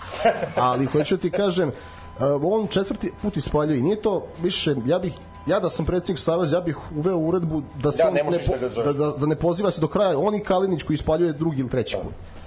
A da ali- drka to može. Ovaj, Koga? Šta? Nisam... Za Kalinića, da drka to može. to, to, da. to. Ali hoću ti kažem, uh, brate, Pa dobro, i reci, reci Kalinić lepo. nije, pazi, ovo je prvi put da Kalina dođe i kaže da neće, uh, rekao je, ali I ne zaboravi 2017 činjenicu. ispalio. Pa čekaj, kako ispalio? Tako što je bukvalno bio oteran. Pa je bio jedne godine oteran zbog svojih političkih stavova iz reprezentacije. Kako bi se ti osjećao? Ne, ne, Evo ti Vasilije brkaš, Micić. brkaš godine, 2017. je bio, nije hteo da dođe, 2019. nije pozvan. Čekaj, ti si malo pre rekao tri puta, mislim... Ne, ja sam rekao mi- dva ili tri, sad nisam... Ne, ne, vidi, nije to bitno koliko ko hoće. Znači, ti kada hoćeš, ti kada si spreman, ja ne znam, vidi, ja nemam taj problem sa time. Evo ti imamo situaciju, mene samo zanima kako bi javnost u ovoj zemlji odreagovala za otkazivanje Vasilija Micića i nje- njegov prelazak iz e, Evrope u Ameriku. Pošto je kompletan fokus na Jokića. A što mi Jokić za- očekuje? Tako Da, je, da. ali mi zaboravljamo činjenicu da je Vasilije Micić igrao na svetskom prvenstvu u Kini u momentu dok mu je mama umirala, mama mu je umrla, on je, e, e, Đorđević je bio selektor, rekao mu je sine, idi kući, on je rekao, coach, ja ne mogu tu ništa. Ne, ne, on je, izvini samo, e, on je imao dozvolu Saletovu da ne ode u Kinu i da se vrati iz Kine pre vremena, on nije ništa hteo. Vasilij je prvi put rekao da ne može, ne, Vasiliju nikad. A ovde se radi, saopšt, Jokić, on je znao da, da neće igrati, nego to odugovlačenje, ti, e, zašto je Sergio Scariolo uspešan selektor? Pa zato što on zna u martu, on može da sprema akcije, Tako zna koga da računa i on samo moli Boga za zdravlje. Reci čoveče u martu, neću doći ove godine. A dobro, da li ti misliš da su Jokića zvali u martu? Jesu. Zna se, čekaj, Vidi, ja misliš mislim da, je rečeno, pa zna se, vidi, da su oni znali u martu. Čekaj, ja ti pa zna se da ćeš samo što je zvati- kod nas problem da se kaže istina kada treba da se kaže. Zna, zna se da će zvati MVP NBA lige, njemu je Dobro, čekaj, ali jedno je zna se da će me zvati, jedno je zvaće me. Ne, ne, ne. nije isto. E, Išli su- Pešić je išao. Ne, ne, nije ga zvao. Pešić je išao u Ameriku da priča Pešić sa je svima. išao i Danilović je Dobro, išao. može da ja pričam da je, ko hoće. Da je Jokara njima rekao 70% da hoću, 100% da neću. Da, otprilike. Da. Pa to, e, ne bih, Mislim, ja ja sam sam lupio, ne, ja sam lupio vremensku tako da- odrednicu, ja sam lupio vremensku odrednicu. Nema je veze. Da li da misliš da, je selektor, neko poslao ranije? Navodno je Pešić ja jutros sam da je rekao da su poslednji razgovor imali njih dvojice jutros, koji je bio konstruktivan i da je danas definitivno on odlučio da ne. Ma njemu nema... Meni taj Jokić, možda i ovo, meni iskreno taj Jokić de, Ma ne, ne ne baš kao da je odro neke pameti. Meni on malo i deluje kao da, znaš, da Dobro, da. Nije, nije baš jasno šta ga neko pita. Pa. Da, ali veliko je pitanje kad izađe, što kažeš Daniloviću, ne verujem ništa, ovde kaže da će sutra svanuti, ja bi se zapitao, i tebi sad onako pijano na onoj konferenciji i dođe i kaže, naš, mi smo razgovarali, a šta znači, mo, razgovor ide, ja sad pitam Janko, Janko, što ti meni, naš, on kaže, e, pa neću, Šta ali, pa nešto, sad ćemo se govoriti, ovaj, i on kaže, znaš šta, brate, da, pa znaš šta, brate, neću, a on kaže, eto, mi smo imali konstruktivan razgovor. Ne, I vidi. sad, ali pitaću ti ja sutradan ponovo, znaš. Ne, on, koliko on, ono što je tu Ovo je najveći sramota. problem, ono što je, mi, mislim da je tu najveći problem što mi prvo treba da shvatimo upravo to, da je igranje za reprezentaciju na dobrovoljnoj bazi. Tako je, ne To mora. je broj jedan. Oni odvajaju svoje slobodno vreme od sebe i od svojih, ove kako se zove, bližnjih. I konja. I konja. Apsolutno. E, ali gledaj sad ovo. Gledaj sad ovo. Ne posto, zato što se to je samo postoji u košarci, zato što u košarci postoji NBA. Ajde mi sad nađi, ja ne znam koje sportove pratite, evo svi. Fu, da li postoji igrač koji je rekao da ne želi da igra svetsko prvenstvo u fudbalu? Ne postoji. Niko. Dobro, da, zato što Ali svetsko prvenstvo u fudbalu nije isto što i svetsko da, prvenstvo u košarci. Dobro, odbojka. O, o, ne, olimpijsko... jel- jel bilo prvenstvo u odbojci bez žibe? Nije evo ti bilo. Amerika. Pa Najbolji bilo je kod nas otkaz, Znači, oni jedino šta, ono što bi se reklo što se tiče košarke, jedino... Olimpijske igre. To su olimpijske igre. Ja verujem da ako se reprezentacija Srbije kvalifikuje za olimpijske igre... Da će igrati, da. Da će ne on, nego apsolutno svi, ako treba, sa odsečenom levom ili desnom nogom i sa, e, ne znam, gipsom do ovde na šutarskom... Na radiju smo, nemoj reci do ramena. Pa jel 2021. pred Tokio saopštio da neće igrati, gde smo još mogli da se kvalifikujemo u teoriji da smo povedali Italiju. Nema to veze kod njega, on ima skroz drugi rezon, njega to ne zanima i to je okej, samo neka kaže na vreme da selektor... Ali nije Ja on taj koji treba da kaže. To je poenta. Ne treba on ništa da kaže dok, se- dok ga njega ne pozovu. Ja mislim ne da treba on da trči rekao pred savez. Ono što sam Pa rekao malo pre. On je rekao su. 70% da da, 100% da ne. Da, ali ovi to neće dobiti, jer bi onda zato što Hajka bi krenula ranije. Verovatno se on predomisli, jel da utiču, A oni jel da ne verovatno to ne smeju da kažu u martu, zato što bi onda mi u, u martu već počeli da, da sipamo kofu govana na, na Ne, Jokića. ne, ne moraš ništa da kažeš, jednostavno ti kao selektor ne računaš u martu na njega, Praviš a on ako se predomisli u julu, predomisli Onda se zoveš. Milutinova, onda zoveš tog Milutinova i kažeš vidi ovaj, kako se osjećaš u ovom stanju, Jokić mi otkaza, planiram da gradim ekipu oko tebe, da budeš prvi centar, ti si najbolji bloker Evrope, imamo koncepciju tu, tu i tu. I posle nemoj da se, posle mi nazivamo špance ciganima, ovakve, ti ljudi imaju u svakom sportu najbolji odnos prema reprezentaciji. I kad Skariolo opet digne pehar, ko što je digo i prošle godine na evropskom i pre četiri godine na svetskom, nemoj da se čudimo. I kao šta nam je falilo? Pa falilo nam je dobar odnos. Drugo, mi smo poslednja selekcija od svih koja saopštava širi spisak. Neki već imaju 12. Imaš mesec dana do početka svetskog prvenstva. Pa, to je to, čeka se posljednji trenutak. Znači, sve je nakaradno. Savez, uspavani selektor, igrači. Mene, mene Skari Pešić podsjeća na Ujka Kostu kad se vratio u boljem životu nesnađen posle 30 godina Jugoslaviju Da. i onda ide da pita da li mu je tu ne, da mu mlekađija onaj nosi kantu. Mislim, a ono stambene zgrade nema kuće, razumem. E, to je to. Ne, ovo je, ovo je rasulo level, samo što je on još usporeniji u pravu se ti, ovo je kao Slavnić, ono kad je bio ono sa onim njegovim paljenjem, razumeš, pa na kraju Ne, ovo šta je- je ispalo. Ne, pazi, ali ti ono, stvarno imaš uh, glupovu situaciju da si ti na seljački način otero prvo Saleta Đurđića, pa na još seljački način pošalješ Ja mislim da je jedna od najvećih grešaka koja se desila u košarci jeste to teranje na takav način, zato što ta igra koju je on doneo, ovaj, Igor Kokoškov, to je ta košarka koju danas igraju svi i u Evropi a pritom radi u NBA. I ima, što bi se reklo, ozbiljan CV. Evo, Darko Rajaković je on sada trener Denvera, o bože, Denvera, Toronto. Toronto. Ja ne znam ko, koga mi planiramo, meni jedini sledeći ko bi trebalo da bude po logici stvari je Dejan Milojević. Ova dvojica verovatno neće biti. Ali je veliko pitanje da li će Dejan Milović zaista želeti da bude selektor reprezentacije. Da, Ne, može. želeće Saša. Može. Saša Obradović će želeti ili, ili Saša Đorđević da se vrati. Ali jedan, to i pričamo Jokić, pa jedan od razloga što je Sali Đorđević nije tu jeste Nikola Jokić. Jer je onda bilo, treba nama uh, proamerički orijentisan trener, daj kokoško, daj ovo, pa da se zove Mike Melon u stručni štab, da to platimo, da sve podradimo Jokiću koji uopšte neće da dođe. Dobro, taj I, sa, i mi, naravno i Miško Ražnatović. Jer ja koliko, opet mnogo više njegovih igrača otkazuje, a igrači svih ostalih menadžera i dolaze, nezavisno od kvaliteta, dolaze da igraju. Šta će da pruže? Ja im želim sve najbolje i ova ekipa kakva je da je, je simpatičnija nego ova prošle godine. Više će da se pobiju. Da, da. Dokle, dokle će doguraju, ne znam. Ovo što je Bogdan tu je najvažnije. Zato što je on hteo prošle godine da čovjek da pomeri operaciju, da ja to pomerim pa da dođem na evropsku pojem operaciju gde mu je i Danilović rekao druže, ok, jedne godine vidimo se do godine i Ćao. A dobro, pazi, Tako da ovde se samo ja Jokić ima pravo da izvini Apsolutno, bilo šta, da. samo ovaj što se mene tiče, ja znam da je on najbolji igrač sveta i ja to poštujem, a ovi su mi ovde draži Tako je, što dolaze igra. da od, odvoje dva meseca svoja i zato ali tako onda treba da budu i tretirani. Meni je to poštovanje, taj Bogdan, apsolutno. Bogdan u prvom treba odmor posle svega što je prošao.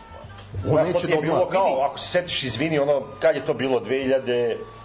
Pa 10 je bilo ono Duda kad je došao, bio posle svega onoga... Osme. 2009. 8, 8, 8 kad je Osme, bilo. osme, I devete. od tada smo svi bili kad kao šta je srebrnu ovo. Ali bi osme. krenulo ponovo nešto da da šljaka i da radi. Zahvališ se, pa lju, zahvalio si se ljudima sa Jokićevim mindsetom, samo nisu bili toliko dobri igrači, to je ono Radmanović, Tako Miličić, je, tako je. Čabarka, ne, Čabarka, pa je, Pavlović, ne znam nija kome, i kažeš ovo, imam ovo je Tepić, Tripković, Veličković, Teodosić, što su uzeli medalje na prvenstvima i guram.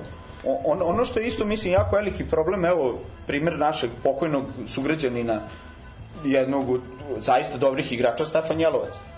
Znači, on je čovek ovaj, igrao u svim mogućim prozorima e, za reprezentaciju, na, kad niko nije hteo da igra za reprezentaciju, znači ono šesto poziciji su igrali za reprezentaciju, on je uvek bio taj, imao je tu nesreću da uvek bude i ono 13. 14. 15. igrač za reprezentaciju i nikada nije otišao sa reprezentacijom na neko veliko takmičenje. Ali u, uredno dolazi svaki put na svaki prozor. Ja razumem da, da, je, da smo i mi, što bi se reklo, ako se plasiramo, ja verujem, ono što iskreno, ja verujem u ovu ekipu, to što ste vi rekli da će, da će ova ekipa da se potuče.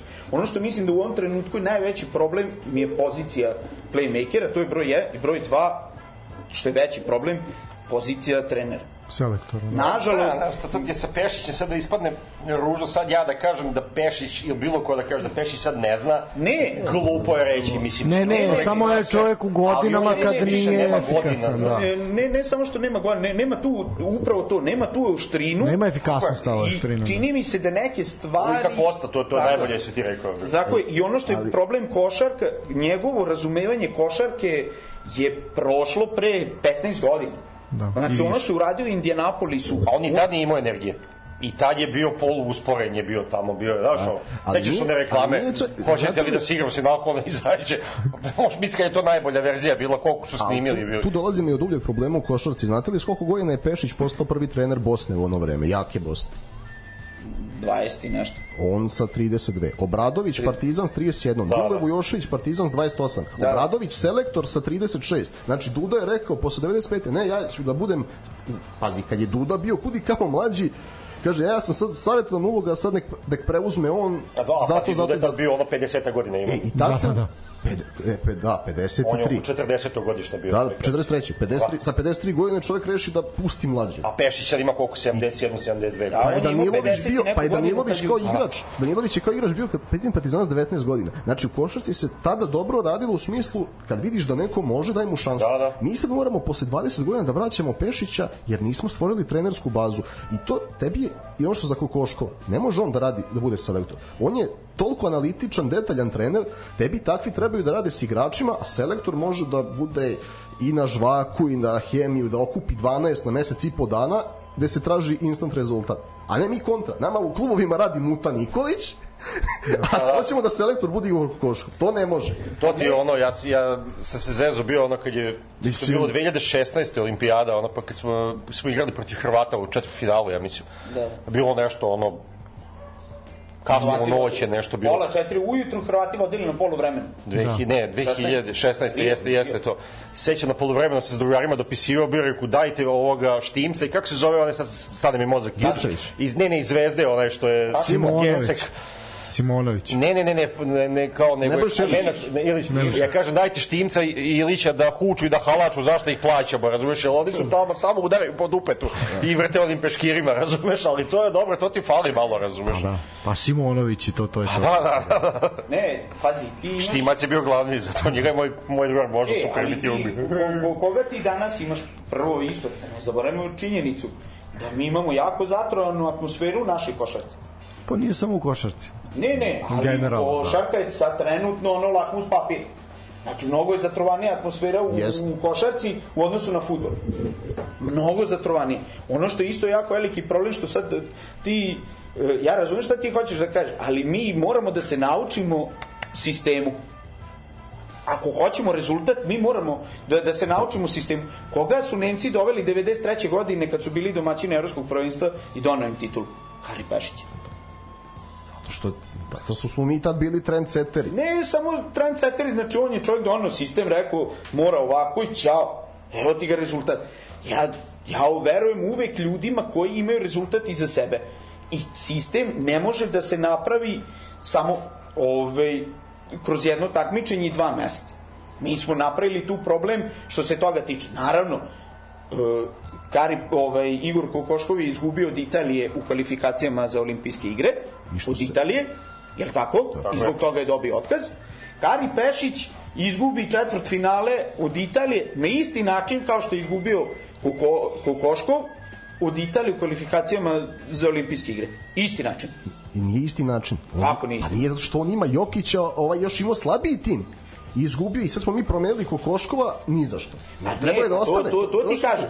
Znači, mi smo promenili... Sa sve Jokićem si opet izgubio od Polonare. Ne, slažem se, ali to je problem zato što e, je ovaj izgubio štrinu, nije tražio time out je kada treba i to. Ja, ja sam spreman da potpišem, to sad šta bi bilo, kad bi bilo. Ali ja verujem da je, pošto je Kokoškov sistematičan, aha, shvatio sam gde su mi greške, cap, cap, cap, izvučem i tako rade ozbiljni, što bi se reklo, koučovi danas.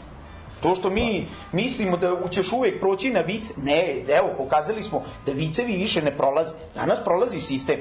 Znači, mi moramo to da izbijemo sebi iz glave. Vic, znaš kad si ti za vic?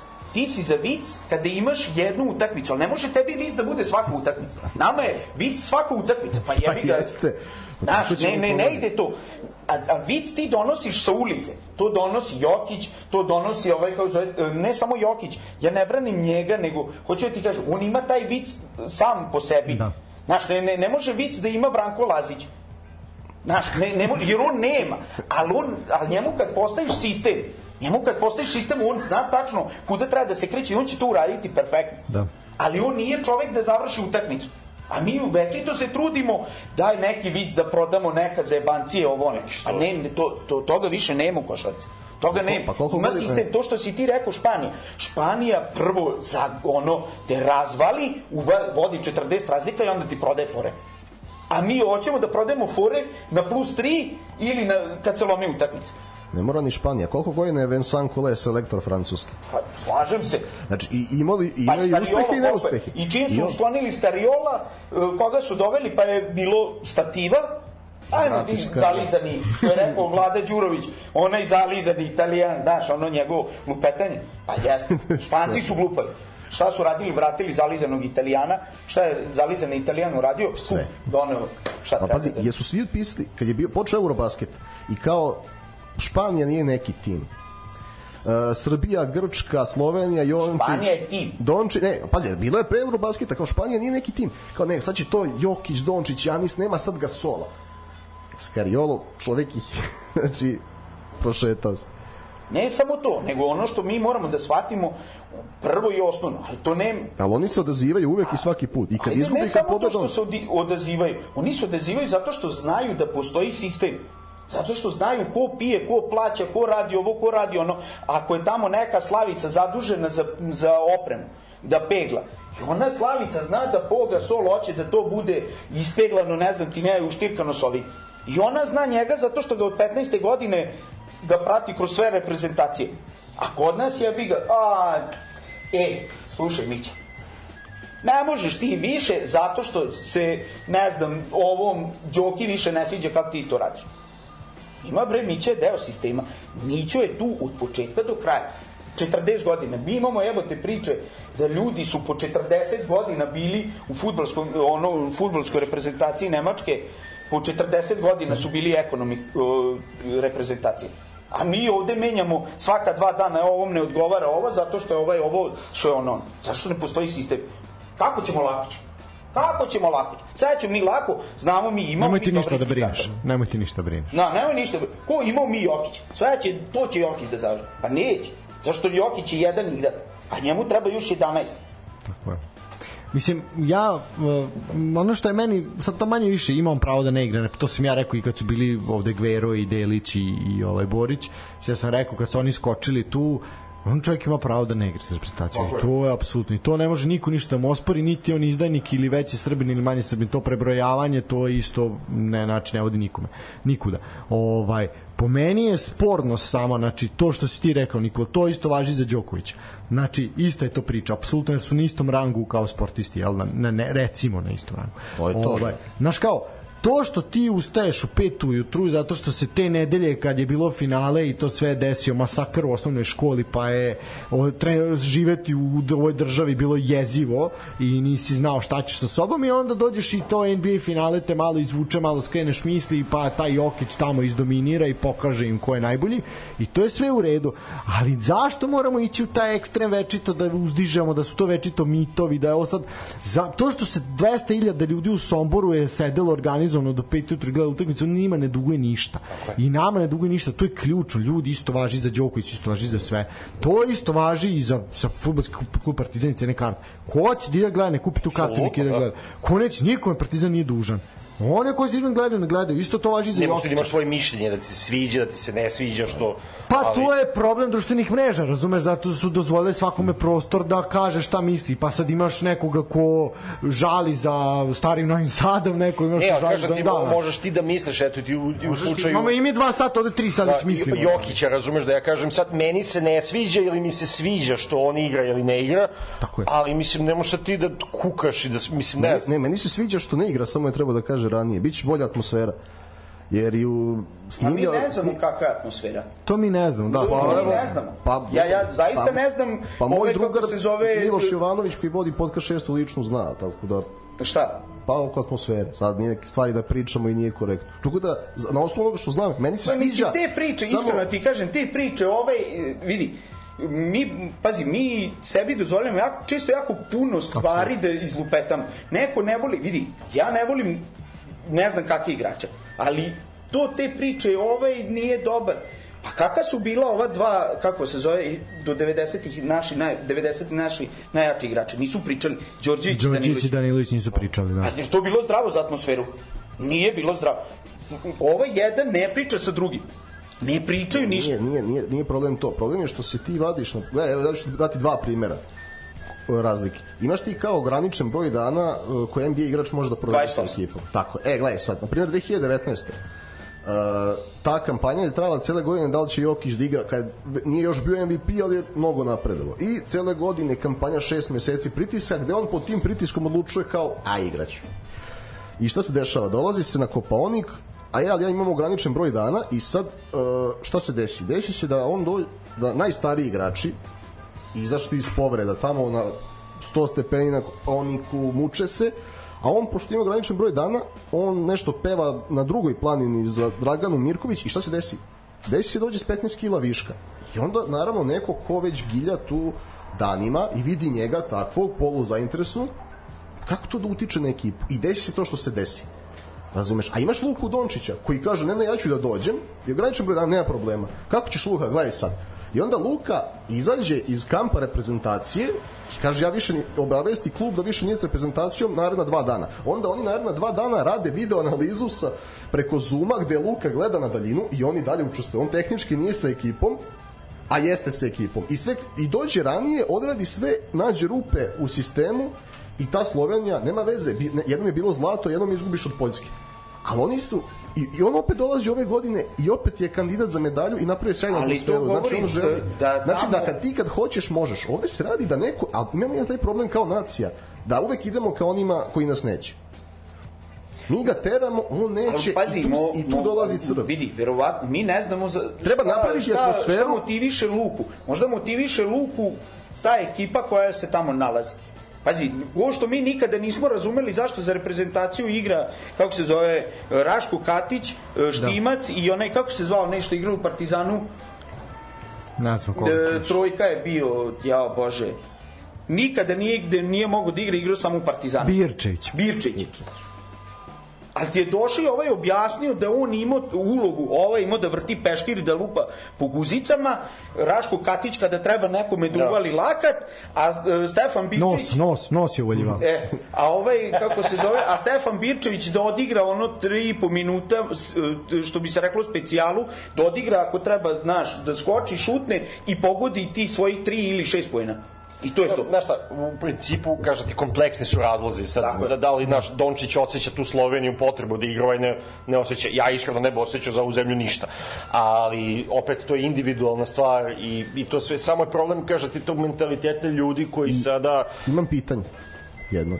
Da li mislite, pošto se nalaze opravdanja za Jokića, e, da dođe, da dođe Vlahović i Mitrović i kažu da neće igraju u evropsko prvenstvo do godine, da li bi imali opravdanja ili bi ne bi Ali ovde se da ne radi o tome da li mi treba da opravdamo ili ne, Ne, ne, opravdavamo. Pa ne, stalno je to, stalno je privilegija u, u Pa košarci. dobro i sad da ti Mitrović izađe i kaže I neću ja šta, da i dobro, nek igra kvalifikacije. Joveljić. Pa evo sad smo igrali u Ne, ne, ali kažem ti onda će da. ljudi, e, to govno neće, otišao je za parama u Saudijsku Arabiju, sad mu teško da igra za reprezentaciju. Pa da. Se, ali zato što ti ovde, zato što ti nezrelo društvo, razumeš, sve ti od sjaja do očaja ovde, sve, znači ti Samo što se u košarci ima taj moment po moment otkazivanja. Tako je, da, ne, nemaš, da. nemaš sredine i to što si ti rekao malo pre, ja sam čitao ovde duhovnost duhoviti, duhovitost duhovnika, ove, zašto u košarci, šta je u košarci, šta je u odbojci, šta je u vaterpolu, šta je u futbolu. U futbolu je ogromna konkurencija Da. i svi bi želeli tu da igraju i kao zbog toga je, a ovde I svetsko prvenstvo je jednom u četiri godine. i mnogo je veće svetsko da, prvenstvo u futbolu nego svetsko Znaš, prvenstvo u ovde košarci. je da češće, jebi ga onda, što Znači, sve ovde to. Am- Ameri, I- evo, opet Ameri imaju veliki problem da, da naprave ekipu za svetsko prvenstvo u košarci. Ali za olimpijadu ja očekujem sledeće godine, ako se kvalifikuju naravno, ja očekujem da će oni dovesti roster da, Duhoviti, da se smrsti. duhoviti. Da, ali Jel mislim, tako? okej, ali kažem Ali, opet, da, mislim, samo, samo kratko. Izjava Danilovića uh, na pitanje jel, da li očekuje medalje, on je očekivao sam da će Jokić i, Mić, Jokić i Micić da igraju, pa nisu. E pa znači, to, je evo to ti je Šta se direktno- traži, opravdanje, Da, šta to to znači traži se veće opravdanje i to prijatelju, ti kao predsjednik saveza treba da sedneš, da se dogovoriš sam Prvo ne može on da bude predsednik saveza da se ne zajebavamo, mislim to je jedno govno od čoveka, razumeš, mislim. On može da bude To je čovek koji svog kuma iz, iz, izbo nožem, mislim. Ne, pa- kum je njega. Kum njega. Ne, ali ne, on je kum. Ma on je kum je njega, bre. Ne, ne, kum je njega njega. nožem, Zato što... ali ne, nije ni to. Pa mislim, nije, Mislim, da, mislim, ali- čovjek a ne, videli smo ono kao funkcionera u I klubu. vidio govno od čoveka i nije funkcioner, mislim. Evo, taj Nebojša Ilić. Zašto je Nebojša Ilić bio to što jeste? Zato što je donosio tu atmosferu. Znači, koliko god e, on bio deo nekog problema između Partizana i Zvezde, između Partizana i Zvezde, ono što je, na primjer, Neboj, Nebojša Ilić donosio reprezentaciji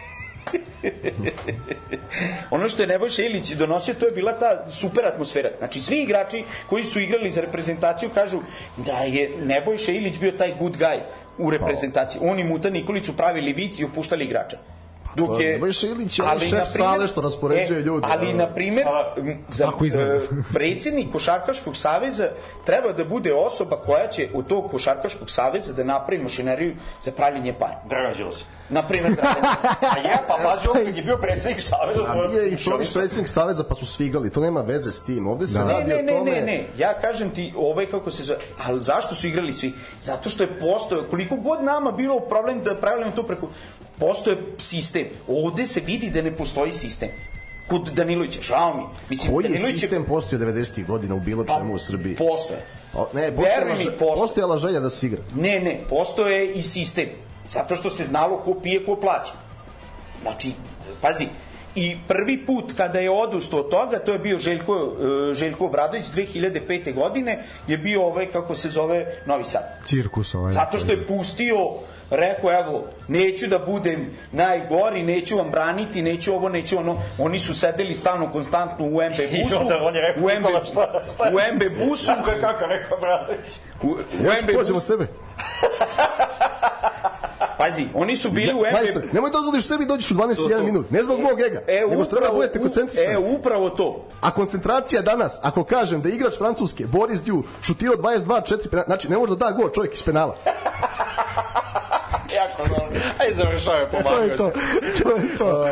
To je to, da. Ne, mislim... A ja, ja, ja, što se tiče Žoci, ja mislim da nije tad bio problem što su oni izlazili, nego što njega nisu zvali. ovaj. mislim da je to... Pa ne, nego vidi, nisu ga poštovali i on je odustao od svojih principa da im ono što bi se reklo da iz, Da bude sam- policajac, da. Nego da jebe mater, bre. Znači, došli Pa ste mi u to. 7 ujutru, ne možete da istrčite trening. To se hvalio, na primjer, Gurović. Koliko puta su dolazili dok su igrali za reprezentaciju. Kod Pešića. Kod Pešića. 2002. godine u 9 ujutru imaju trening, dođu pijani, tu- tuširaju i kaže im Pešić, kao kad ste vi završili kao sad e, onda ih usere od treninga da oni povraćaju na treningu i šta ti ja znam i onda moraju ponovo da dođu za kaznu moraju da dođu na trening u jedan dok ovi spavaju oni moraju da trče ovaj kao zove trening u jedan Gurović je- to, to je to Gurović je draža to. mislim- Tero kada pije, nije on teo.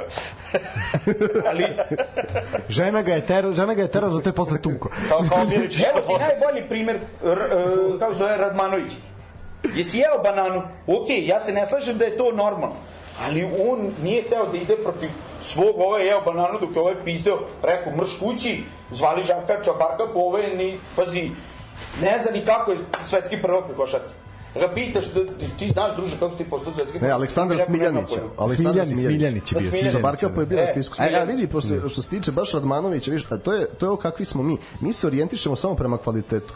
Jel Radmanović tako kad nije dolazio, isto, isto ko Jokić, ista priča, više ga ne zanima, E onda je bilo kao, pa ne treba nam ovaj, znaš, samo oni koji hoće. A sad, pošto je neko ovoliko dobar, e onda ćemo da menjamo. Znači, principi ne postoje i zato, zato tako izgleda i reprezentacija. Vidi, ne, ne, ne, e, ajde da budemo pošteni. Mi nismo principijalan Vidi, narod. Jokić je najbolji evropski košarkaš ikad.